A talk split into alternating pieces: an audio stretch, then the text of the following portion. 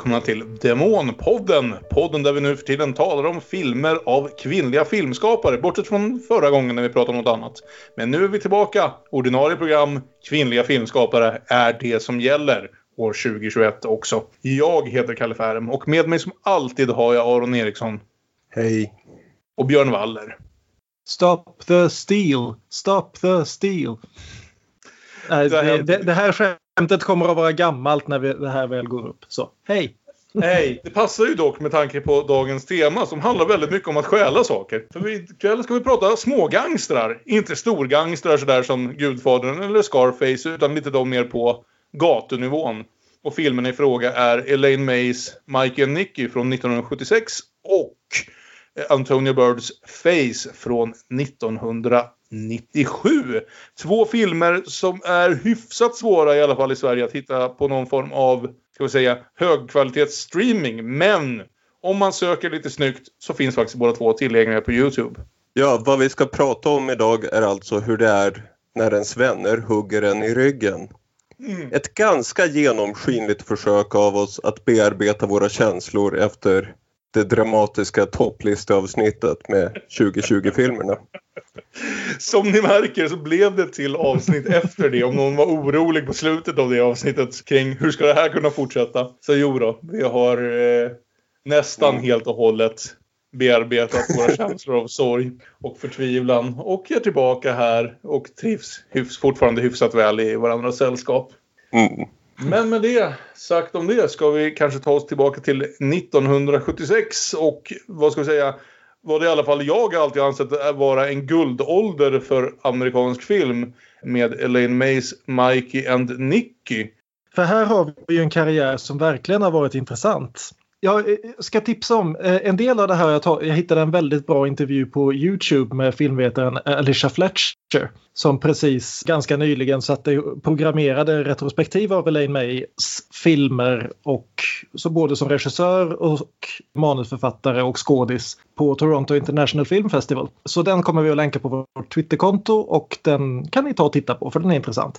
Men hur som helst, Elaine May, född 1932 fortfarande med oss, 88 år gammal och sägs faktiskt jobba på sin första film på enormt många år. Eh, jag gissar att covid har lagt emellan lite problem där men 2019 så kom det ut att hon jobbade på en ny film med Dakota Johnson i huvudrollen.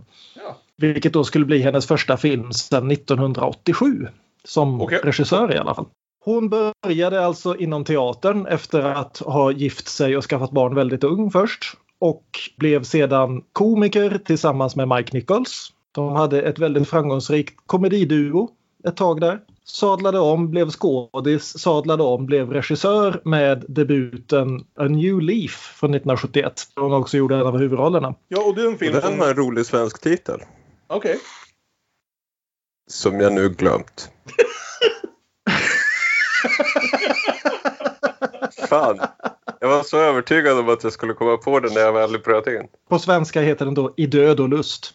Det var i alla fall en film som jag la lite extra märke till och som såg väldigt lovande ut under den här eh, dokumentärserien Women Make Film som vi kommer tillbaka till här och där. Och en film med Walter Matthau i huvudrollen, vilket har en viss relation till kvällens film, men jag kommer till det när jag kommer dit. Precis. Hon följde upp den med The Heartbreak Kid. Också en film som blev, fick bra kritik, inte gick sådär väldigt bra ekonomiskt. Vilket då gjorde att hennes nästa film, Mike and Nicky, blev ganska försenad. Vi ska diskutera mer om det. Kom 76. Och detta, att den blev så försenad och gick så pass över budget och inte tjänade så där väldigt mycket pengar gjorde det då att hon under ett antal år sedan drog sig tillbaka från regissörstolen, skrev en massa filmer, bland annat Heaven Can Wait som hon blev Oscarsnominerad för. Skrev Tootsie, skrev Labyrinth, inte helt ensam men var med och skrev dem. Och så 1987 så tjatade då hennes vän Warren Beatty att ja, men jag vill att Elaine ska regissera min nästa film här. Jag vill inte ha någon annan än Elaine. Hon ska ta det här. Och denna film var då Ishtar. som är ökänd som en av de största flopparna, om inte i Hollywoods historia, så åtminstone under 80-talet. Ja, alltså det... Med Warren Beatty och eh, Dustin Hoffman som coversångare på viften i Marocko. Det är en sån och jag såg som liksom om är- den faktiskt ganska nyligen och nej, det, alltså den är inte så dålig som sitt rykte men inte fan är den speciellt bra heller. Nej, för det är ju en sån där film som har blivit verkligen synonym med bara liksom katastrof som liksom blir punchline på så många skämt. Ungefär som Heaven's Gate var ganska länge fram tills att vi insåg att Heaven's Gate faktiskt är en bra film. Men, men ja, nej, Ishtar används ju oftast bara som liksom nästan nästan ett begrepp för eh, liksom ordentlig flopp. Så jag har nog inte sett den sen liksom, tv på 90-talet någonting men jag har inte heller några särskilt positiva minnen av den. Nej, nej, men jag tycker den är intressant så vi kanske kommer, fram, kommer tillbaka till det här när vi snackar Michael Nicke för den är ganska mycket, den har en del gemensamt med Michael Nicke, bara det att den inte fungerar lika bra. Det är liksom ungefär samma grej med två, två personer som driver runt i världen och försöker relatera till varandra samtidigt som saker händer runt omkring dem. Mm. Men sen dess har hon alltså inte fått gjort en enda film som regissör. Hon, det sägs att uttrycket Directors Jail uppfanns om henne. eh, och det här är ju som sagt, det här är ju inte första gången hon har haft problem med producenterna heller. Eh, debuten New Leaf levererade hon som en tre timmars film och filmbolaget klippte ner den till 100. För Michael Nicky så filmade hon tre gånger mer film än som användes till Gone with the Wind. Det, det är liksom, hon, hon, hon har aldrig varit en, eh, en regissör som bara liksom gissat sig fram sådär och liksom, ah, vi, det duger sådär. Det måste ju alltså Utan betyda i verkligen- Nickes, Michael Nickes eh, fall, som ser en film som utspelar sig under en natt, så måste han alltså ha filmat mer tid än vad det faktiskt fanns tid under den filmen att utspela sig. Det är faktiskt. Ja, det måste... Eh, och, och- och, det är väl lite grann så tyvärr att filmbranschen börjar väl återupptäcka henne nu. För nu har ju både Michael Nicky och Ishtar har ju fått Directors Cuts på de senaste åren. Och Ishtar har faktiskt eh, till och med hyllats av folk som Tarantino och Scorsese vilket väl känns väldigt mycket som att det är liksom överkompensation åt andra hållet.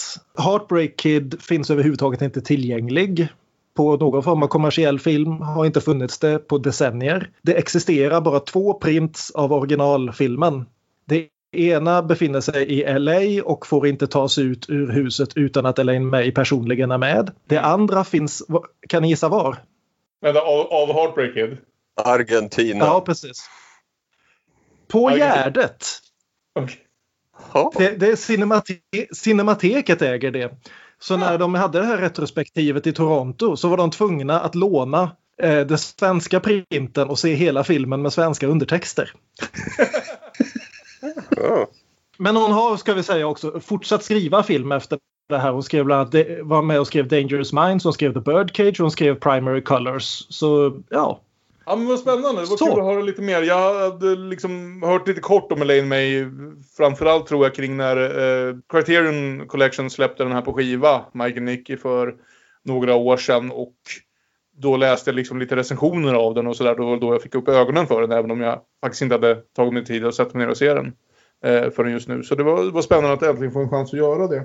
För bara så här vid första anblick så var det en film som tilltalar mig just därför att den kommer i en era av amerikansk film som jag tycker har spottat ur sig en himla massa guld och i, den har att göra med en massa människor, inte minst de två huvudrollskådespelarna som har brukat göra saker jag gillar.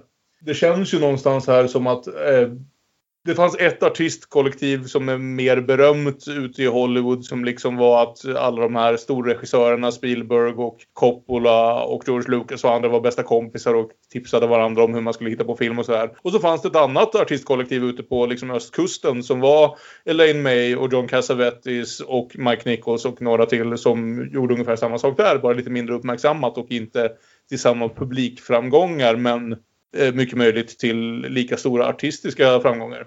Och det här är en film som platsar perfekt in i, liksom den, i det systemet. Så jag tycker det var Ja, skitkul att se den. Absolut. Mm. Vill någon försöka sig på en sammanfattning? Det är inte alltid soligt i Philadelphia. Under en natt är det alltså som vi följer Titans Mikey och Nicky, Micke och Molle. Och att de har lite barnsliga namn där i titeln har lite en poäng. Men det är i alla fall den nervige Nick som är i allmänt upplösningstillstånd. Övertygad om att det finns ett pris på hans huvud.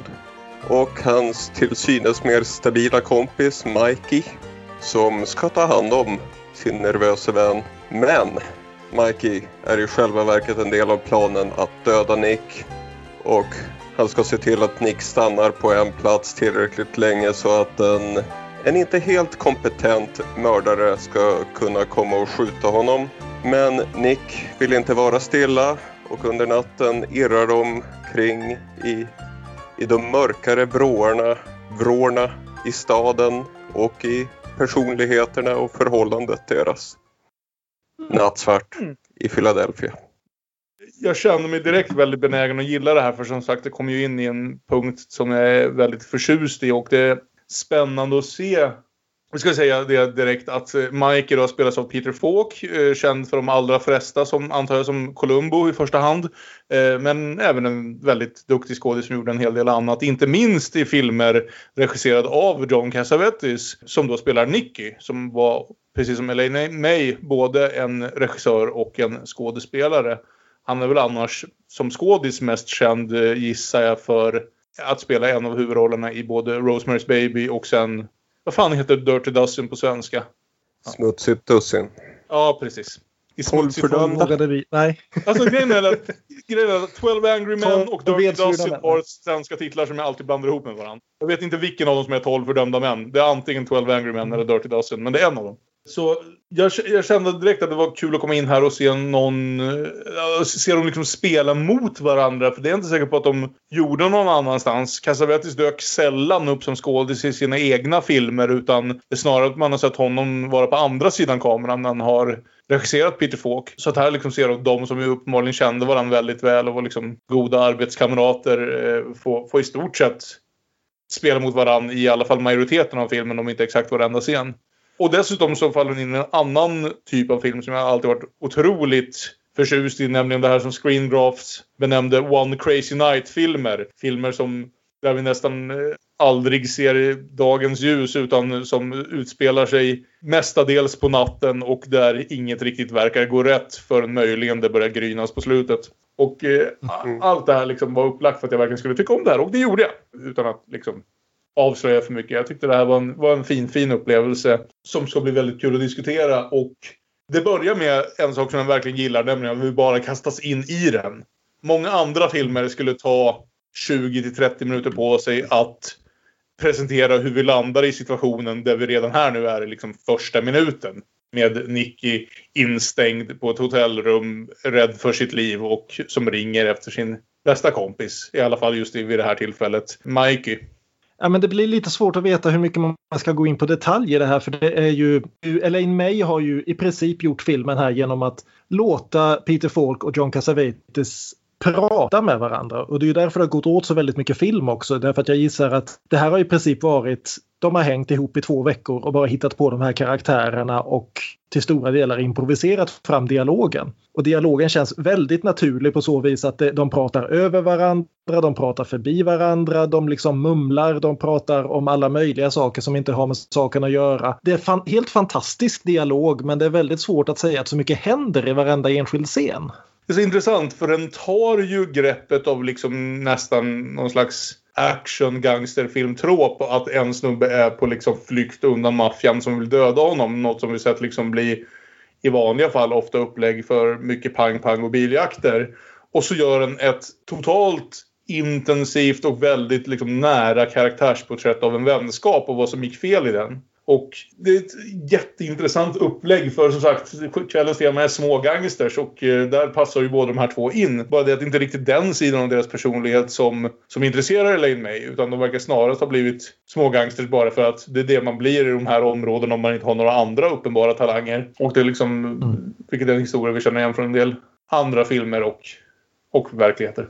Nej, precis. Så de första tio minuterna här kan man i princip sammanfatta med att Nicky är livrädd att han ska bli mördad för hans, en annan som har stulit från samma gangster som han har stulit från har just dykt upp mördad. Och han är säker på att han står näst på tur så han ringer till kompisen som kommer och försöker i princip prata ner honom från att ta livet av sig. Och det blir också väldigt tydligt väldigt fort här att eh, Nicky är en person som har ganska lätt för hysteri och att vara, vad ska vi säga, väldigt bred i, sitt, i sina känsloutspel. Eh, vi får känslan av att det är väl extra mycket just nu när hans liv liksom är i fara och så vidare. Men han har alltid betett sig, som Mike beskriver det, a little bit crazy. Vilket väl jag nu nästan läser som någon form av liksom eh, av, om inte ren liksom, schizofreni så i alla fall någon, någon form av mer liksom mer seriösa mentala problem som inte kanske har diagnostiserats eller behandlats på rätt sätt. Och som nu såklart har... lite maniska sidor helt klart. Ja, precis. Ja. Och det är liksom också Precis. så väldigt fin första scen här när vi kommer in i det. Liksom en av poängerna eh, som ni redan har hört av från Arons liksom, beskrivning så lär vi oss ju långsamt under filmen att Mike är en del av, av försöket att ta livet av Nicky. Men de här första scenerna visar en så otroligt djup vänskap någonstans i hur han vet minsta detalj i liksom vilka piller Nicky behöver, vilka liksom, om han, han känner till hans magsår, han vet hur, hur allt det här liksom, hur han behöver tas hand, om hand om. De har också en otroligt öm scen där, där, de, där eh, Mikey först lyckas få Nicky att lugna ner sig lite grann. Där de har en lång omfamning som ju är väldigt ovanlig framförallt bland liksom, liksom äldre män, särskilt liksom hårdkokta män vid den här tidpunkten. Man brukar som bäst se en sån här klassisk karakar ryggdunkningskram eh, eller något sånt. Och de har en sån väldigt vän omfamning här som verkligen tyder på, på något riktigt. Och eh, känslan jag får är i alla fall att just det här som Cassavetes gjorde väldigt mycket i sina egna filmer. Att, att, att Peter Falk och Don Cassavetes förmodligen hade ganska nära vänskap och lyckas liksom överföra den väldigt väl till det de behöver göra som skådespelare här. Och det, det, det mm. fungerar så otroligt väl. Ja. ja jag gillar verkligen tempot här i början också för uh, Mikey är ju så den lugna omhändertagande. Och så ska han fixa lite grädde för det här uh, magen. och, och där när han är på kafeterian ser vi att Mike är på helspänn han med. Ja, herregud. Och det är så jävla roligt. Å andra sidan, det, det, skulle nog de flesta bli om man... Det här är ju före, vad heter de? Seattles Finest. Det här är ju före Starbucks. Och det där att beställa coffee to go är väldigt, väldigt komplicerat. No cream? Not to go. What do you put in the coffee here? You have any cream? Use these little bottles here. All right, give me 15 of those little bottles to go. Give me a couple of cartons of milk. Uh, can't do that. We don't give these bottles to go. If you want coffee to go, I put the cream in it right here and I use the dispenser right back there, sir. All right, give me a carton of cream from the dispenser. How many coffees? For no coffees, just fill up a carton of cream. Can't do that. I wouldn't know what to charge you. Cream is for the coffee only. It's not for sale. Charge me for 15 coffees and give me the cream. 15 coffees? That's right. Okay. You give me that in 30 seconds, you hear me or I'll kill you! Okay, Because I'm crazy! Okay.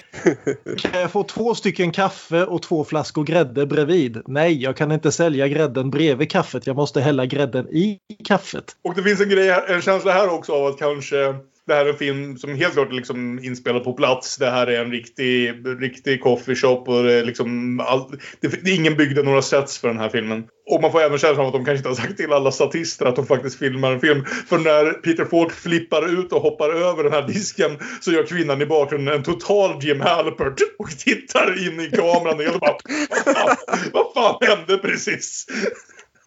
Vilket jag bara tyckte var ganska charmigt. Ja, men det är en underbar scen för fram till det så har filmen varit så liksom lågspänning hela tiden. Och så lägger hon då in den här första lilla explosionen av våld och energi. Som liksom verkligen sätter upp att okej, okay, det här är en film som kan explodera precis när som helst.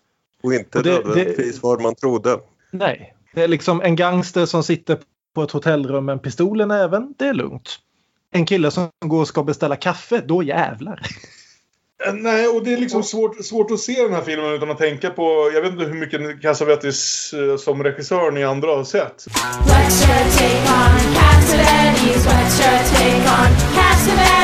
Men det är liksom tonen och stilen just det här i att liksom sätta två väldigt bra skådespelare i ett och samma rum och i stort sett låta dem improvisera efter guidelines. Det är samma sak som man senare sett jag tänker framförallt på brittiska regissörer som liksom Mike Lee och Ken Loach använder typ samma metod. Och, och, det är ju en sån sak som funkar väldigt bra men är väldigt, väldigt baserad på att det är liksom folk som är bekväma, skådespelare som är bekväma med varandra.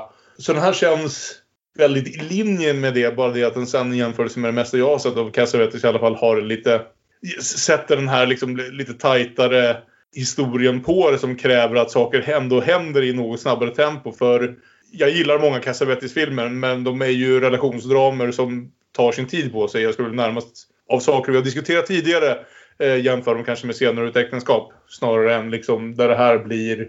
Det är ju en film som kommer vadå?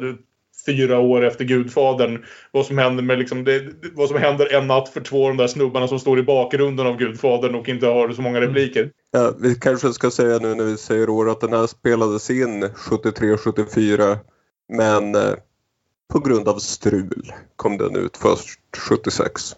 Vilket gjorde att den hade åldrats lite grann som vi ska se. Eh, men jag tycker ja, den känns ändå relativt tidlös på många sätt. Men vi har ju det här, han kommer tillbaka till hotellrummet, de har ytterligare en sån här ännu spändare diskussion här. För nu är Nicky helt säker på att de har ett kontrakt på mig. Jag måste härifrån. Ja, men vart ska du då då? frågar Mikey. Ja, men nej, jag vet inte. Ja, men du måste härifrån, säger Mikey. Därför att är, är du kvar här i stan så hittar de dig. Vadå? Letar de efter mig? Ja, du sa precis det för två minuter sedan.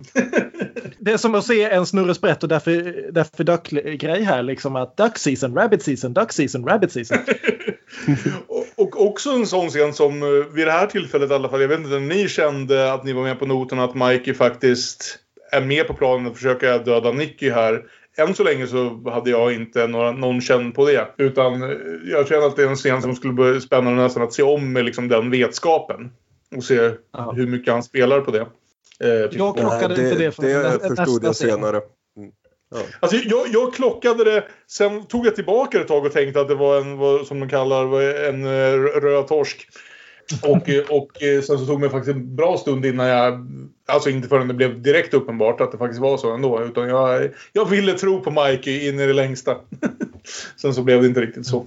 Ja, han får i alla fall ut Nicke från rummet genom att lova honom att de byter kläder. Inklusive armbandsur och kavajer under rocken och alltihopa. Och pistolen. Precis. Och, Precis. och här, här någonstans presenteras ja. vi också för den som aktivt är ute efter att döda Nicky. Nämligen, eh, ja, som sagt, The Hitman som jag är inte är säker på att han får något namn i det här. Men som spelas av Ned Beatty. Mest känd för att imitera en gris i Deliverance. Men jag tror också att han vann, eller i alla fall blev nominerad för en Oscar det här året tror jag, 1976, för i stort sett en enda monolog i Network. Han är med i tre, tre minuter i den filmen, håller en enda monolog och typ vann priser för det. Jag minns honom bäst eh, från, från eh, världens bästa polis-tv-serie, Homicide Life on the Street, som han gjorde 20 år senare. Men det, det, det är nog mest jag. Och han är inte bror till Warren. Vilket Peter Falk trodde han var och när det uppdagades att han inte var det så blev Peter så skamsen att han fick utslag och inspelningen behövde stoppas för dagen. Höjdare på IMDB Trivia. alltså IMDB Trivia är ju guld ibland, det får man säga. Ja. Men sättet vi får veta det här är i alla fall att vi klipper till då Ned Beatty, Kinney mm. som karaktären heter, eh, som sitter och tittar på tv och får ett telefonsamtal med signalement på Nicky, markerar på en karta vart de befinner sig och springer ut. Mm. Och förklarar att jag, jag, jag, kommer att ringa tillbaka när det ringer tre gånger. Se till att ta dig ut för då kommer jag in. Med ja. pistolen i högsta hugg. Och, och så... när vi då klipper tillbaka till den i andra änden av luren så är det ju då Mikey som har ringt från en bar dit de har gått. Mm. Och det ska sägas här någonstans att medan liksom både John Cassavetes och Peter Falk ser lite så här ut som... Man har ju någon bild från alla andra filmer av liksom sådana här smågangsters ser ut. Så tycker jag att det är kul att Ned Beatty ser inte ut som hur man föreställer sig den här karaktären. Eh, vilket spelas lite för humor men lite också någonstans som närmare verklighet. Hur effektiv är du som torped om du ser ut precis som alla torpeder? Hur, hur lätt är det att närma sig sina offer då? Liksom? Så jag, jag uppskattar det verkligen för det är en ovanlig roll för Ned Beatty som ju liksom ser ut som en ganska snäll, eh, lite rundare farbror i de flesta roller han spelar. Men på den här baren så sitter ju då Mikey och Nicky och pratar om sina respektive småbarn. Ma Mikey har en femåring, Nicky har en fem månaders. Mikey har en fru som ni, heter ni... Annie, vilket leder till den oroande repliken How's Annie? Precis. How's Annie? How's Annie? How's Annie? How's Annie? Twin Peaks-fansen förstår mm. att det här kommer inte att sluta väl. Precis. Och Nicky är återigen superhyper och vill bara gå. Mikey säger nej, nej, nej, för fan, sitt kvar, drick ur ölen, ta det lugnt. Men han glanar lite för mycket på telefonen och Nicky börjar ana oråd. Och här, här någonstans var det som sagt som jag var inne på att ah, de vill få oss att tro att Mikey faktiskt är en buse här. Men jag tänker inte gå på den. Eh, men sen så var det tydligen så uppenbart som att de faktiskt bara sa åt oss att nej, Mikey är, är precis så Ja. jäklig som jag inte ville tro att han skulle vara. Men, men det, det, det som du säger, det är liksom... Vi, här vid något läge börjar det viktiga inte kännas som handlingen som faktiskt utspelar sig här. Utan snarare att vi faktiskt lär oss en massa om vilka de här två männen är för varandra. Vilken vänskap och vilket förhållande de har haft till varandra. De har helt klart känt varandra sedan barnsben. Jag tror de säger att de har känt varandra i 30 år och jag gissar att de ska spela strax över 40 båda två. Eh, är det ju så- en viktig poäng i vänskapen att eh, Nicky är den enda som var där när Mikey också var barn. Ah, Mm. Resten är döda nu. Precis. Det är en viktig del av deras bond. Försvinner han så är försvinner ju- den världen.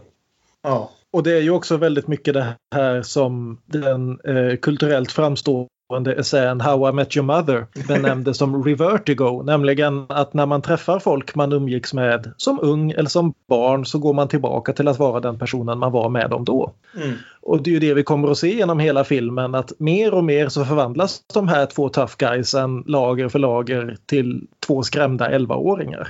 Mm. Det är väldigt bra beskrivet. Nej, för precis. Någonstans här nämligen så blir det ju så mycket av liksom en dialogfilm mellan dem. Så medan den har den här extra spänningen av liksom Ned Beatty som är ute och jagar efter dem. Och vart ska de ta vägen härnäst och så vidare. Och precis hur knäpp kommer Nick att hinna bli innan vi når fram till slutet eller innan han hinner fly.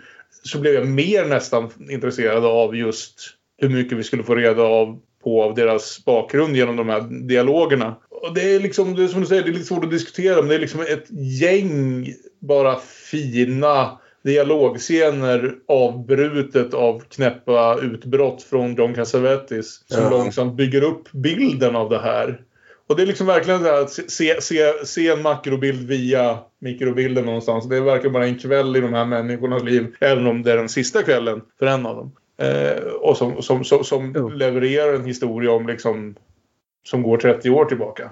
Mm. Och, och som sagt, vi märker ju också det att båda två blir ju mer och mer stressade av det här också. Mike att han vet att han måste få Nicky att stanna någonstans länge nog så att han kan få ta, för det här är ju också innan mobil, långt innan mobiltelefonernas tid. Så kan inte bara ringa till lönnmördaren och han sitter ju i en bil nu. Så han måste hålla på och lämna meddelanden via sin fru som är, om inte är med på vad som händer åtminstone är van vid att liksom skicka vidare meddelanden för andra mafiosos liksom. Så de drar liksom runt från ställe till ställe medan Mikey försöker strida mot att å ena sidan se till att få sin barndomsvän mördad och å andra sidan inte vilja det. Och Nicky slits mellan att sätta sig ner och prata med sin barndomsvän om allt han är livrädd för och att inse att det är han som liksom kommer att få honom mördad. Bra. Som den här scenen där de ha- hamnar på en bar där de, där de är enda två vita människorna och eh, Nicky går fram till baren och börjar starta världens rasistbråk bara för att få stryk. För det är i alla fall bättre än att bli ihjälskjuten. Ja, precis. Och, och, och de som dyker upp i liksom såna här långa rockar och är de enda två vita på stället direkt antas vara inte, ba, inte bara liksom folk på fel ställe vid fel tillfälle utan såklart poliser. Vilket Ja. väl... De ser onekligen ganska mycket ut som poliser, kanske mer än mafiosos vid det här tillfället. Och eh, jag menar, Peter Fox är inte hundra mil ifrån hur vi är vana att se honom i Columbo. Och, där, och däremellan ibland så klipper vi då till stackars Nate Beatty som sitter vid det ena stället efter det andra och väntar på att de ska komma ut och inser att de är nog inte kul. där längre. Alltså, Ned Beatty i den här filmen är ju liksom, tycker jag, någonstans urpunkten av hur mycket mer man kan få ut av liksom en, vad som ändå är en ganska liten, ganska outvecklad roll bara man sätter rätt skådis i. Det är på något sätt så kul att se. Ja. Det, det är både ett spänningsögonblick men också lite, lite liksom comic relief varje gång vi klipper tillbaka till honom. Uh, vid något tillfälle hinner Mike smita iväg och ringa och säga ja ah, men han vill gå på bio hela kvällen. Det är det är en sån här, vad heter det, double feature. Ja, dubbelbull. Man ska gå och titta på dubbelbull. De hamnar på en buss, vill röka lite grann. Damen bakom säger att Excuse me. No smoking in the bus. Hey, shut up, will you? I'm going to tell the bus driver. I'm gonna tell your mother. Och det är liksom, ja men nu är vi, nu är vi nere på barndomsnivån här Ja, i. Uh, ja, givetvis muckar han med chauffören. Ska ha slagsmål Spel- där. Spelar han Emmett Walsh? Emmett Walsh. Som, som jag var så otroligt glad att se fortfarande levde i Knives Out här om året. Jag bara antog att Emmett Walsh skulle vara död vid det här laget. Sen kommer den fina scenen på en kyrkogård när ja, Nick börjar ju mer och mer gå, gå upp i sin egen fatalism och tycka att han är spännande. Så han ska minsann gå på kyrkogård nu Och- för och att hälsa på sin mamma. Såklart, som de farliga kidsen gör. Och det, det här är nästan min favoritscen i hela filmen. Mm. Och här, här känns det ju verkligen som att det är till stora delar improviserat eller att det åtminstone är framjobbat genom väldigt många olika tagningar för att hitta precis rätt ton i det. Liksom bara det här härliga replikskiftet, liksom att han försöker hitta sin mammas grav. She's buried next to a whole family of Irishmen. It's a Catholic cemetery, Nick. It's full of Irishmen. Och kan jag, under tiden så tror jag vi klipper mellan det här och Ned Beatty som sitter och väntar utanför bion. Och kan jag bara få säga nu eftersom vi sitter här som konnässörer av dubbelbullen och säga att jag gissar att eh, det, är Elaine May som har valt vilka filmer som ska visas förmodligen som något slags eh, lite skämt och referens. Bara att det är en otroligt kass jävla dubbelbull. Jag vet inte vilken den här dubbelbullen skulle tilltala. För den första filmen står som Time of the Iron Hand, vilket är en gammal titel på det som vi nu för tiden känner som Bruce Lees Fist of Fury. Och den Ah. andra filmen är The Laughing Policeman. Vet ni vad det är för film? Berätta. Det är den enda amerikanska Martin Beck-filmen med Walter Matthau Just ja! Så någon har gått strikt in på en Bruce Lee slash Walter Matthau som Martin Beck-dubbel. Men Mäta var med i den här eh, Död och lust ja. Ja, De är ju kompisar. Och, och snart när vi kommer fram till scenen där Nick går upp och träffar sin flickvän. Han har en fru men han har även en flickvän som är en underlig sorts prostituerad, väl känslan vi får. Så spelas hon av Walter Matthau's fru under hela hans sista 50 år. Så hans fru är definitivt del av hela det här, vad ska vi säga, artistkollektivet som var del av att göra de här filmerna. Innan vi lämnar kyrkogården kan vi... Ja, här börjar det ju ta lite grandiosa proportioner också. Det här, dels de här små, små pojkarna i den stora, stora världen och Nick börjar vara Oh, jag är redan död. Och eh, Mikey, när han ska prata sin, med sin mamma där i graven, Nicky, så Mikey, jag, jag kan inte prata med döda människor. Och det är också, de kan inte prata med varandra. Ja, ibland så får man låta stråkarna komma in i dialogen. Och, och de pratar också om att bland det första de minns gemensamt var ju då eh, Mikes lillebrors begravning. Mm. Mm. Som dog när han var tio år gammal. Han tappade håret och dog. Och de hann reta honom för att han, och kalla honom Baldy, vilket är en så här brutal detalj om liksom att växa upp i vad ska man säga, hårdkoktade områden. Och det, det, det är något fantastiskt där i just att Nick är ju inte mycket för att visa känslor i det här. Känslor utöver ilska och stress. Mike är ju den som försöker någonstans lugna ner allt hela ihop. Som har tid att bli både ledsen och oroad och sentimental och sådär. Nicky skriker mycket om det förflutna och tänker på det men han verkar mest förbannad över alltihopa. De är liksom på väldigt olika emotionella plan någonstans och det gör det, alltså det skapar en spänning i det hela som, som, som jag tycker blir väldigt bra, väldigt fungerande för vi kanske inte alla har liksom varit bästa kompis med någon, någon eh, som är jagade av mafiosos. Men vi har nog alla liksom varit bästa, eller försökt, försökt lugna ner en polare som har blivit lite hyper på fyllan eller något liknande. Eller hur? som- som- Det är de scenarierna jag tänkte på hela tiden. Ja. Man har varit den som var lite för hyper, man har varit den som tog hand om den som inte var i sitt esse. Ja, det var bara hög relaterfaktor på det. Ja, ja, eller hur? Utan att gå in för mycket in på privata historier, så absolut. Jag kände igen, jag kände igen båda delarna av den här ekvationen. Ja. Och det, det är ju lite det med karaktärsdramat här. De är ju osmakliga små typer men man både känner identifikation och avsmak för dem. Så som det ska vara. Och de för varandra och för sig själva. Det är inga entydiga sammanhållna människor det här. Nej, och det, och det är väldigt mycket vi mot världen-känsla när de liksom hittar en punkt tillsammans. För det är helt klart att visst att de bråkar mycket men det är liksom precis nästan lite som bröder. Det är byggt i en djup jävla vänskap och kärlek som ju är det som som går, kommer brisera och gå åt helvete här under nattens gång. Och det blir väldigt... Och det börjar ju då på Ja. allvar när de går till Nickis flickvän då.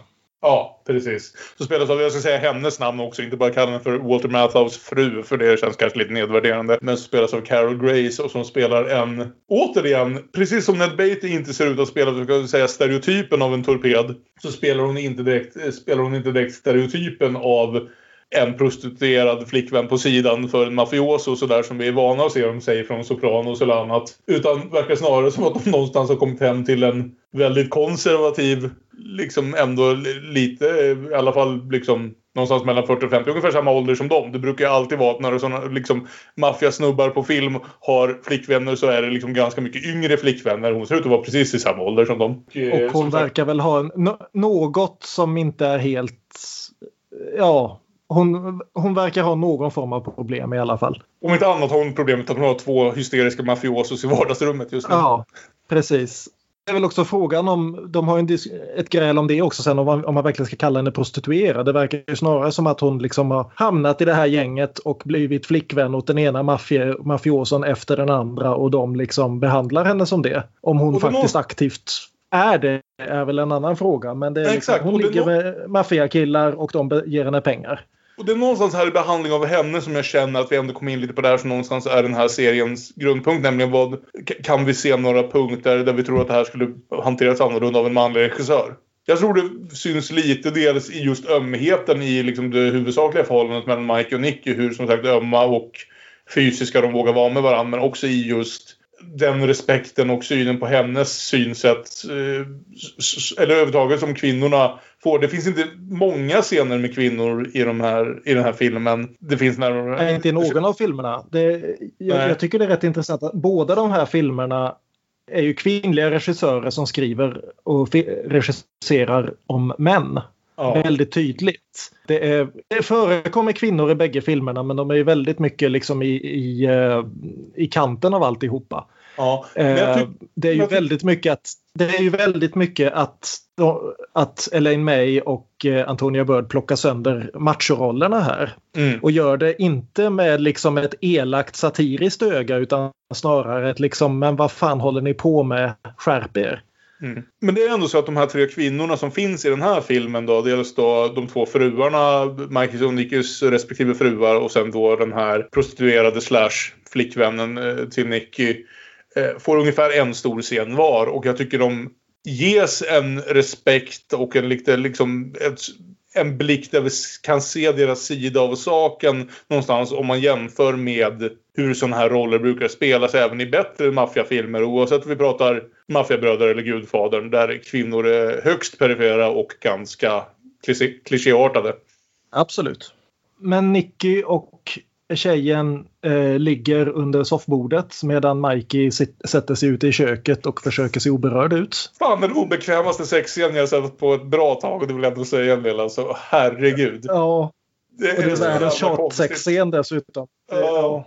Det är otroligt den här filmen. För den här filmen kommer sluta med att Nicky blir ihjälskjuten. Det är otroligt att vi, i alla fall jag, eh, fortfarande känner med Nicky hela vägen där igenom. För ärligt talat, under vadå 95% av den här filmen är han ju ett obekvämt jävla arsle som i stort sett förstör varenda situation och inte gör något lättare för sig själv heller. I just den här scenen skriver jag i mina anteckningar Filmen jobbar hårt för att göra hjältens död ett lyckligt slut. Ja. det ligger något i det. Men, men, men jag, vet, jag, tycker det är fantastiskt att jag någonstans bryr mig tillräckligt mycket om Nicky. Det måste ligga något i både Cassavetes skådespel som sagt som, som just detaljen av den här, inte historien som utspelar sig utan deras gemensamma bakgrundshistoria om deras långa vänskap och så vidare. Att, att inte den här filmen slutar med att jag bara ropar ja! När han till slut blir skjuten liksom. Nej, det är väldigt motstridiga känslor hela vägen och väldigt lyckat så. Men Nicky tjatar i alla fall på Mike att du måste ju också ligga med henne. Och För Mike annars låter har jag inte bevisat övertalas. vilken hora min flickvän är. Precis. Eh, Michael låter sig övertalas men det låter ju inte tjejen sig göras och för att försvara sig så biter hon rakt upp och ner Mi- Mikey i läppen. Varpå han blir fullkomligt rasande och känner sig ganska rejält avsnöpt. Och Mm. ru- de rusar ut i lägenheten ner på gatan och här brister det fullständigt emellan dem. Mm. Nu är det full vargtimme. Nu är dansardemonerna löst. Till att börja med ska vi byta tillbaka kläderna och Nicky dänger då Mikes klocka som han har fått låna tidigare i asfalten så att den går i tusen bitar. Precis. Klockan som Mikey fick av sin far. Det enda han har från sin far. Och man vet inte ens om det är sant. För nu säger han ju bara saker för att visa hur försmådd han är. Så man Ja. tänker att det kommer fram någon slags ärlighet när man så här bryter samman och alla filter rasar bort. Men, men det är ju bara ett annat slags synd om mig. Skrikande. Ja. Vråla desperat ut Och jag i tycker det- natten. Och jag, jag tycker det är intressant att just här byter eh, Elaine May plötsligt till handhållen kamera också. För just Ja, när det här liksom, My father gave me this watch, liksom, jag, jag, jag kan inte vara vän med dig längre. Det här håller inte längre. Jag har burit dig i 30 år, nu kan jag inte längre. Då plötsligt så får vi världens kameraåkning liksom som typ vad blir det, 120 grader runt om. Så, Ja. och, och hittills har kameran varit ganska liksom omärklig. Nu plötsligt så bara kastas hela alltet om lite grann. Mm. Vi liksom rycks ut ur den här nästan hypnotiska eh, diskussionsstämningen, mumblecore-stämningen som har varit emellan dem. Ja, men precis. Och, och det ska jag säga att det här kulminerar också i någon form av ganska realistiskt småslagsmål. Inte Bruce Lees Fist of Fury. Eh, den får man gå på bio och se. Utan, eh, vad heter det, utan snarare liksom lite små eh, örfilar, något försök till knytnävsslag. och som också landar eh, i det här att John Cassavetes vurpar ganska ordentligt i en vattenpöl på ett sätt som antingen är helt otroligt skådespel eller helt enkelt en sån här lycklig olycka. Mm. Nej, Det är ju skolgårdsslagsmål över det hela. Det är ju Ja. försmådda barn som, som visar ilska för att hålla tillbaka tårarna. Ja, precis Ja. så. Och nu är det liksom alla förebråelser de har gått och burit på. vad- Som man gör, liksom alla saker man har stört sig på med sin bästa vän i 30 år. Liksom. Nu ska allting fram. Ja, precis. Mm. Vet du att när, när du var liten så kallade vi dig för ekot för du sa alltid saker två gånger. Ja. Så det här slutar med att de går olika vägar. Michael letar upp Ned Beatty som fortfarande sitter och sover utanför bion. De ger sig tillsammans ut och letar efter Nicky. De kollar på varenda nattvandrare som är här, vil- vilket leder till det fullständigt odödliga replikskiftet. Is that him? No. Are you sure? Yes, I'm sure. You want to shoot him just in case?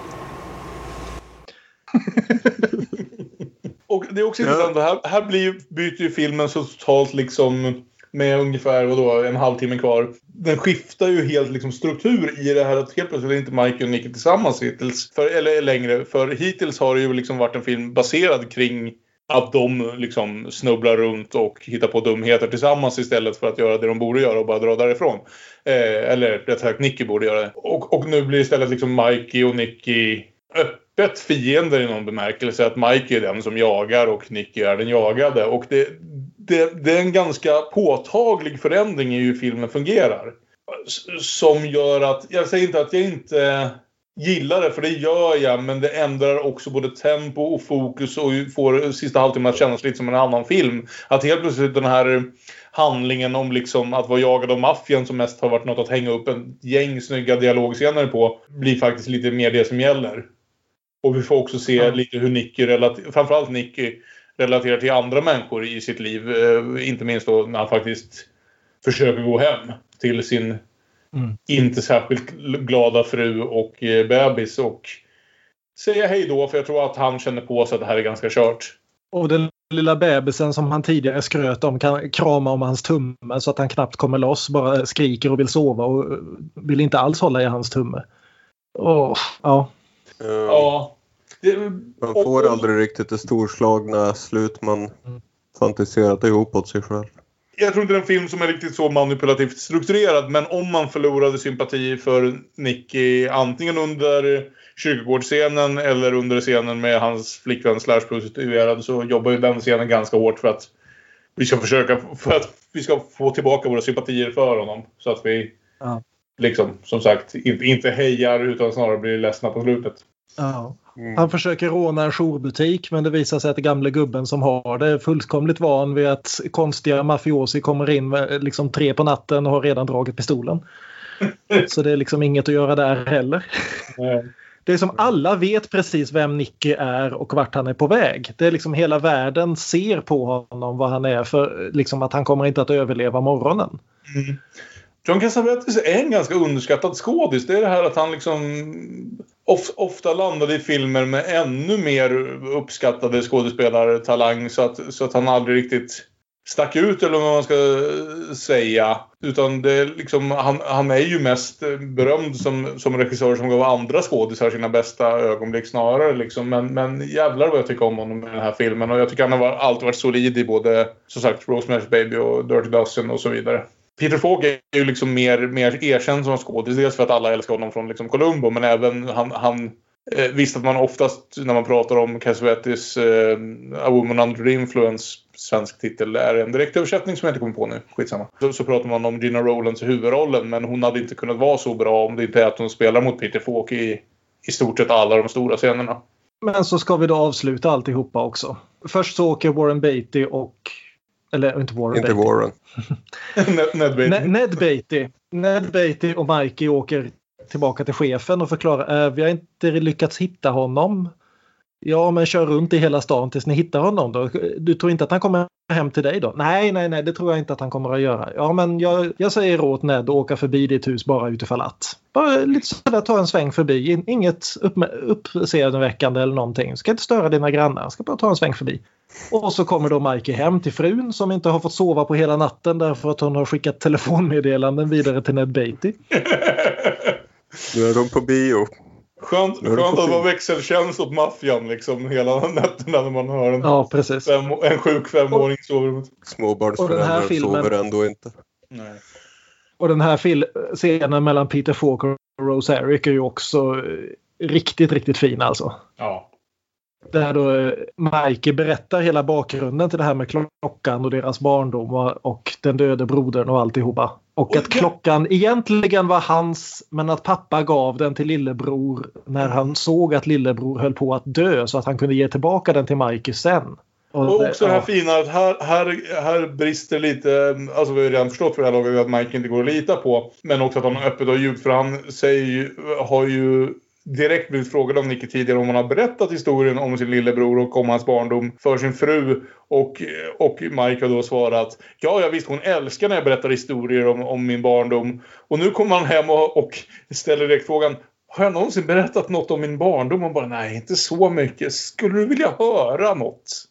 Sådär. Så, Ja, men Ja. eh, Jättefin omskrivning av hur han liksom fantiserar ihop sig att vara en bättre make än han kanske är. Eller ha ett bättre förhållande än han kanske har haft. Och nu när han kommer hem. framställer sig som lite mer lycklig eh, framför Ja. sin kompis som han är lite purken på.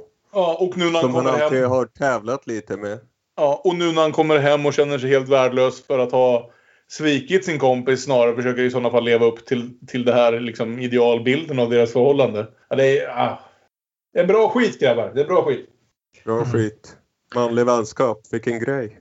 Ja, ja och, och, fin, och bra liksom dialogscener som, som porträtterar liksom gifta par som eh, något mer än... Som något. Så, som något. Ja, men, jo, men för ofta, Ja, som, som sagt, nej. fruar, kvinnliga karaktärer i såna i maffiafilmer. Alltså allvarligt talat. Mm. Ja. Nej, men, nej, men det, jag köper det här förhållandet, liksom att de har varit gifta i en massa år. Det är inga, ja. Den enda scenen Lotta, min sambo, ogillade var eh, Nicky med sin fru. Okej.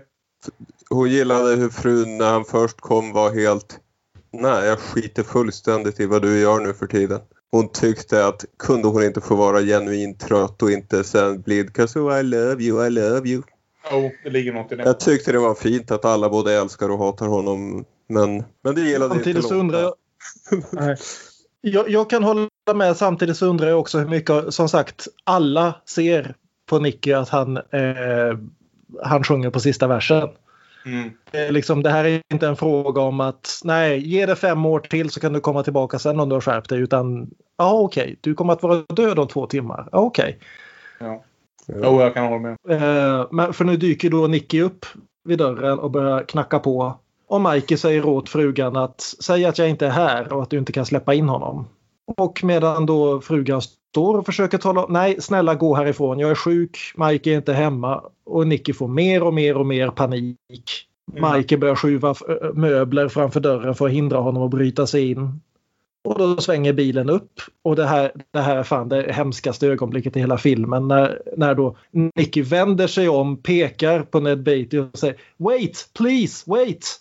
Och fortsätter Ja. banka på dörren och skrika. Ja, nej, det, det är något så otroligt Ja. som att man... Ja, jag älskar... Alltså, och, och, båda skådespelen på båda den här sidan av dörren, alltså Peter Falk som verkligen ser man funder, kämpar med tanken på att ska han faktiskt göra det här kan han gå igenom med det. När han verkligen barrikaderar sin dörr för att se till att hans bästa män ska bli mördad. Och det är, det är en brutal jävla slutscen. Ögonblicket just innan eh, Ned Beatty rullar fram där och han ser Nicky där utanför och vet vad, vad som... Mikey ser vad som ska hända och Run you schmack! Kom igen. Ja. Eh, jag gillar inte det här. Snyft! Ja, riktigt alltså. De hittar något här. Det är så bra uppbyggt. Jag tycker filmen, trots att det är en så här liksom friflytande, som sagt, i mångt och mycket improviserad film om dialoger.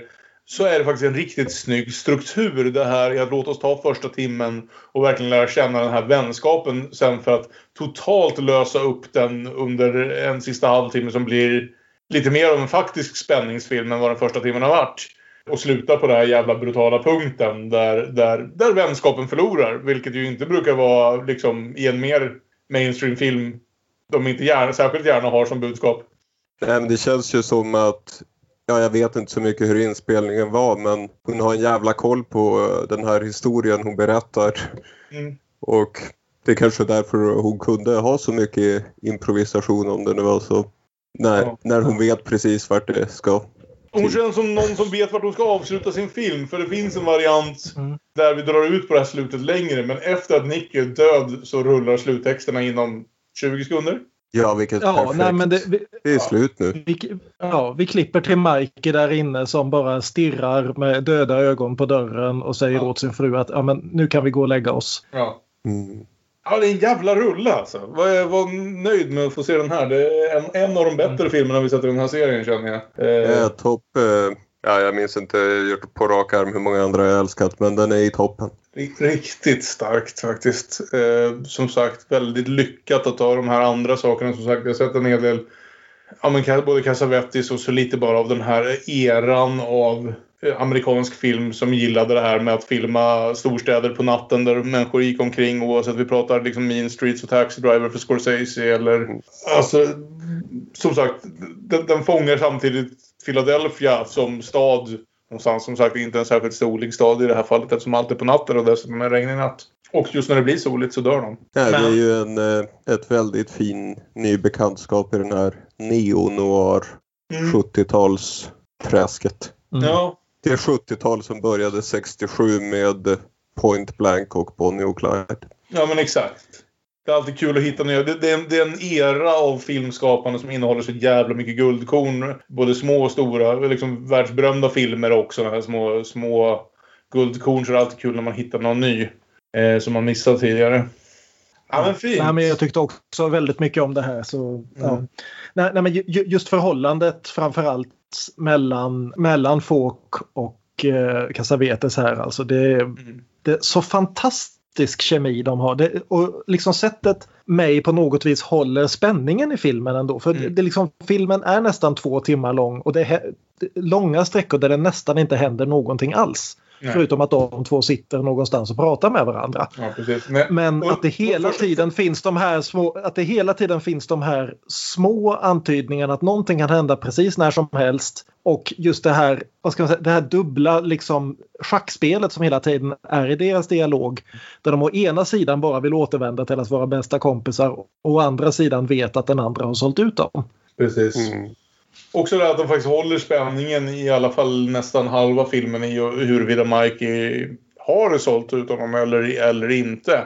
Att det faktiskt funkar så att det går att läsa åt båda håll. Och Mm. ja, nej... eh, ja, det- Och, och att den är så skicklig i början på att sälja in Nicky som en knäppis som gör att vi väldigt lätt köper Mikes eh, liksom, version av händelserna. Eh, och, Jag inte och- trodde jag att det ens fanns något kontrakt på hans huvud förrän Jaha, Mike har vi ordnat det här kontraktet. Ja, precis. Nej, bra grejer. Jaha, hörni. Eh, det sagt om Elaine Mays, Mike och Nick. Vi verkar allihopa varit ganska nöjda. Så hoppar vi framåt i tiden, 21 år, och tvärs över Atlanten till London och börjar prata om Antonia Birds Face. En film som, ja, Antonia Bird kanske vi ska börja i den ändan. En person som egentligen bara har regisserat tre långfilmer, men det är tre långfilmer som i alla fall för mig, eh, jag minns som ganska väl uppmärksammade vid, vid tidpunkten. Nu är vi liksom inne på den... Fyra väl?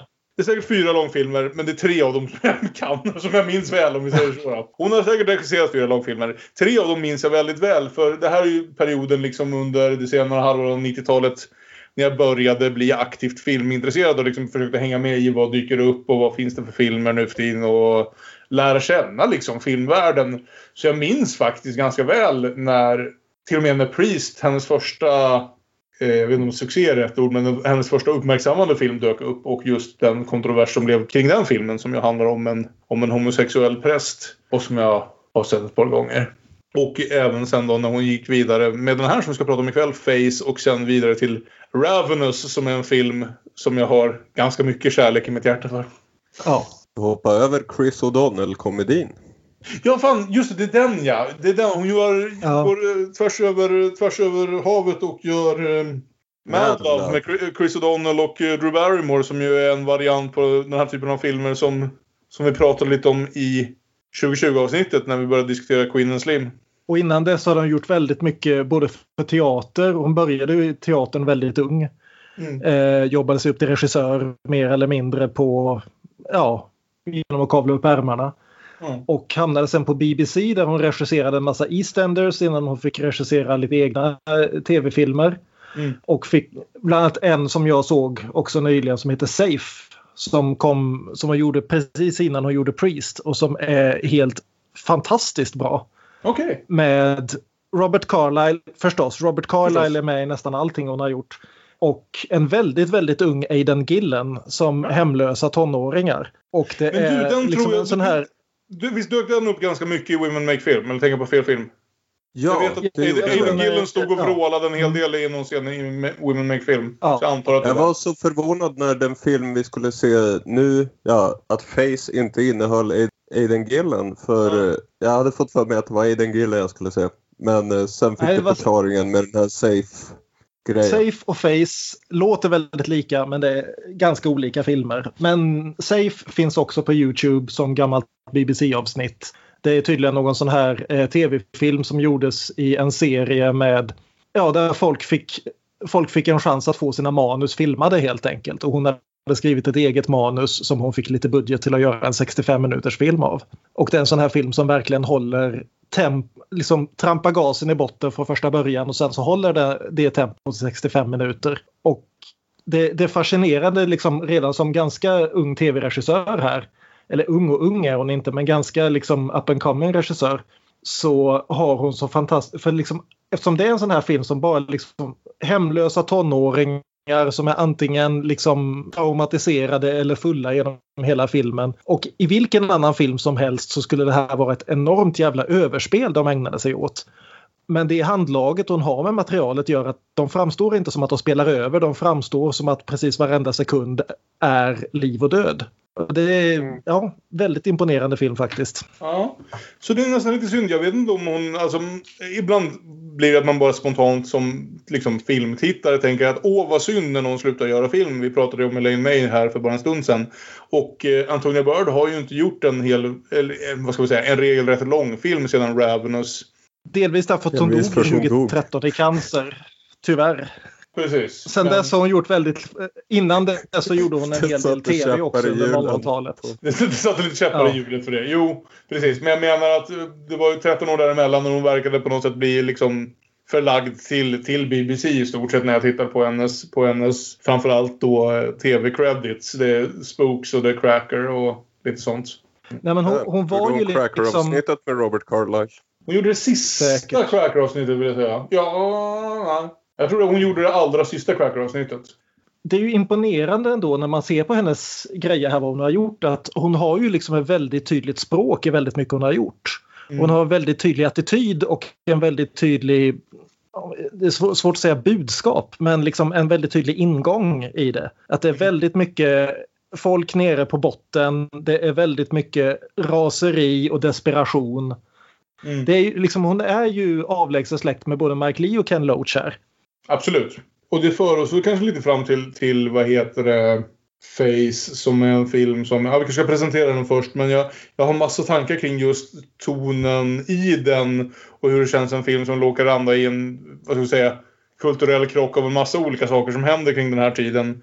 Som gör den jävligt intressant men kanske från min synsätt inte helt lyckad.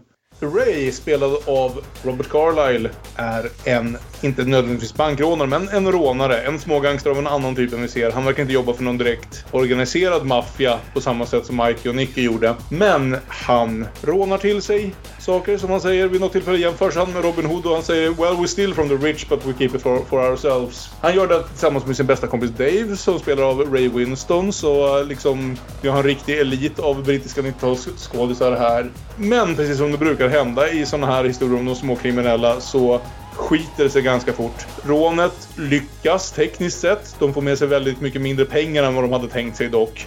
Och när de börjar splitta det här på liksom fem, fem rånare så blir det ganska lite pengar kvar.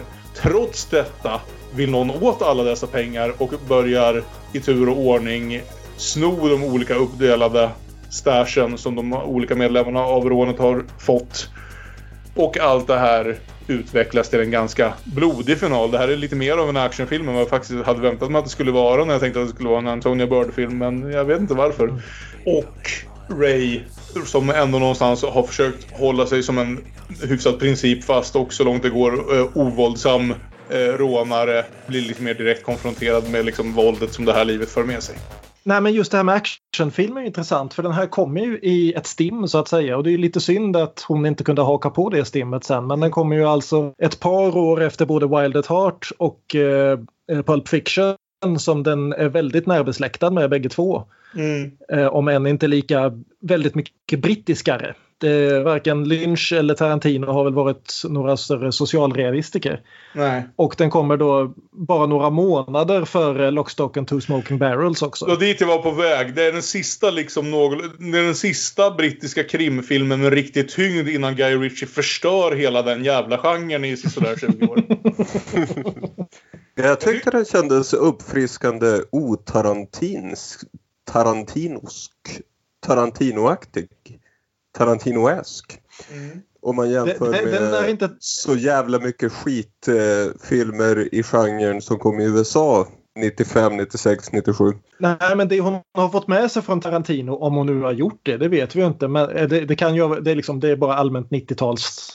Det i luften liksom. Men det är just det här som går att kopiera från Tarantino, nämligen klippningsstilen, eh, s- soundtracket inte minst. För den har ett fantastiskt 90-tals Britpop soundtrack den här filmen. Jag har en teori där. Eh, Jag, en viss jag, jag, motsägelse tänker ha en utläggning där. Jag är inte säker på att jag håller med. Jag har en utläggning, men ta dit först. Jag, jag, jag menar inte fantastisk nödvändigtvis som att det är ett bra 90-tals soundtrack, men det är ett väldigt 90-taligt soundtrack. Otro, ja, det, Ja, så långt håller jag med dig. Ja, hellre än att försöka liksom kopiera Tarantinos dialog och föra över den till Storbritannien som ju Guy Ritchie skulle göra sen. Så är det liksom det, det är karaktärerna befinner sig fortfarande i brittiskt, eh, so, brittisk socialrealism. Det är deras berättelse som har liksom fått en rejäl eh, uppgasning från, an, från andra, andra sidan Atlanten. Jag känner så här att det känns som att Face snarare är liksom den sista i en rad av, vad ska vi säga, lite mer verklighetsnära krimfilmer. Och som någonstans någon har tryckt in ett lite MTV, ett soundtrack på som de kommer med lite MTV-klippning i vissa scener som inte alls känns som den passar tonen i... Alltså ofta tycker jag att musiken direkt motverkar dramat i scenerna. Och jag har en liten teori här. Det här är den första filmen som Robert Carlyle gör efter att han precis har spelat huvudrollerna i de två största brittiska succéerna på evigheter i Trainspotting och The Full Monty. Eh, det som både Trainspotting och The Full Monty hade utöver Robert Carlyle var att de hade totala jävla liksom bästsäljare soundtrack där alla ville Sant. som spelar så många. Så jag får ibland lite känsla när jag ser den här filmen och jag har ingen som helst belägg för att det faktiskt var så här. Men att någon producent kom in till Antonia Borg och sa Hej! Vi har en hel bland-CD här med nya hippa låtar. Vad sägs om att du klipper om den här filmen och lägger in alla de här låtarna någonstans? Du kan behålla resten av filmen som du vill för den är ganska bra. Men se till att de här låtarna dyker upp och gärna över liksom viktiga dramatiska punkter eller att du kan klippa lite action till dem eller vad som helst. För jag gillar ta mig fan inte soundtracket i den här filmen med undantag för typ en eller två punkter. Jag tycker varje gång det blir en sån här liksom MTV-klippt action, eller liksom våldsscen till eh, något slags liksom 90-tals trip-hop. Att, att det drar mig ur stämningen, den väldigt, väldigt gripande stämningen som den här filmen har i sina bästa lägen och som Antonia Bird hade i till exempel Priest. Så jag tycker det, det är en film som Det- det- jobbar lite mot sig själv. Det kunde varit värre. De Mm. kunde haft med Kula Shaker. Ja, för Gene var ett jävla bra band. Nej, så, så nu har jag redan sagt ganska mycket. Det blev lite annorlunda ända. Men jag måste bara dra fram min liksom, conspiracy theory här tror jag. Om varför, varför det blev som det blev. För det känns som att Ja. Face, jag tycker Face är en riktigt solid krimthriller som hade kunnat varit en alldeles utmärkt film. Men, men något gick lite fel på vägen. Nej, men det är utmärkt förklaringspotential på den. Och det förklarar ett rejält problem i filmen.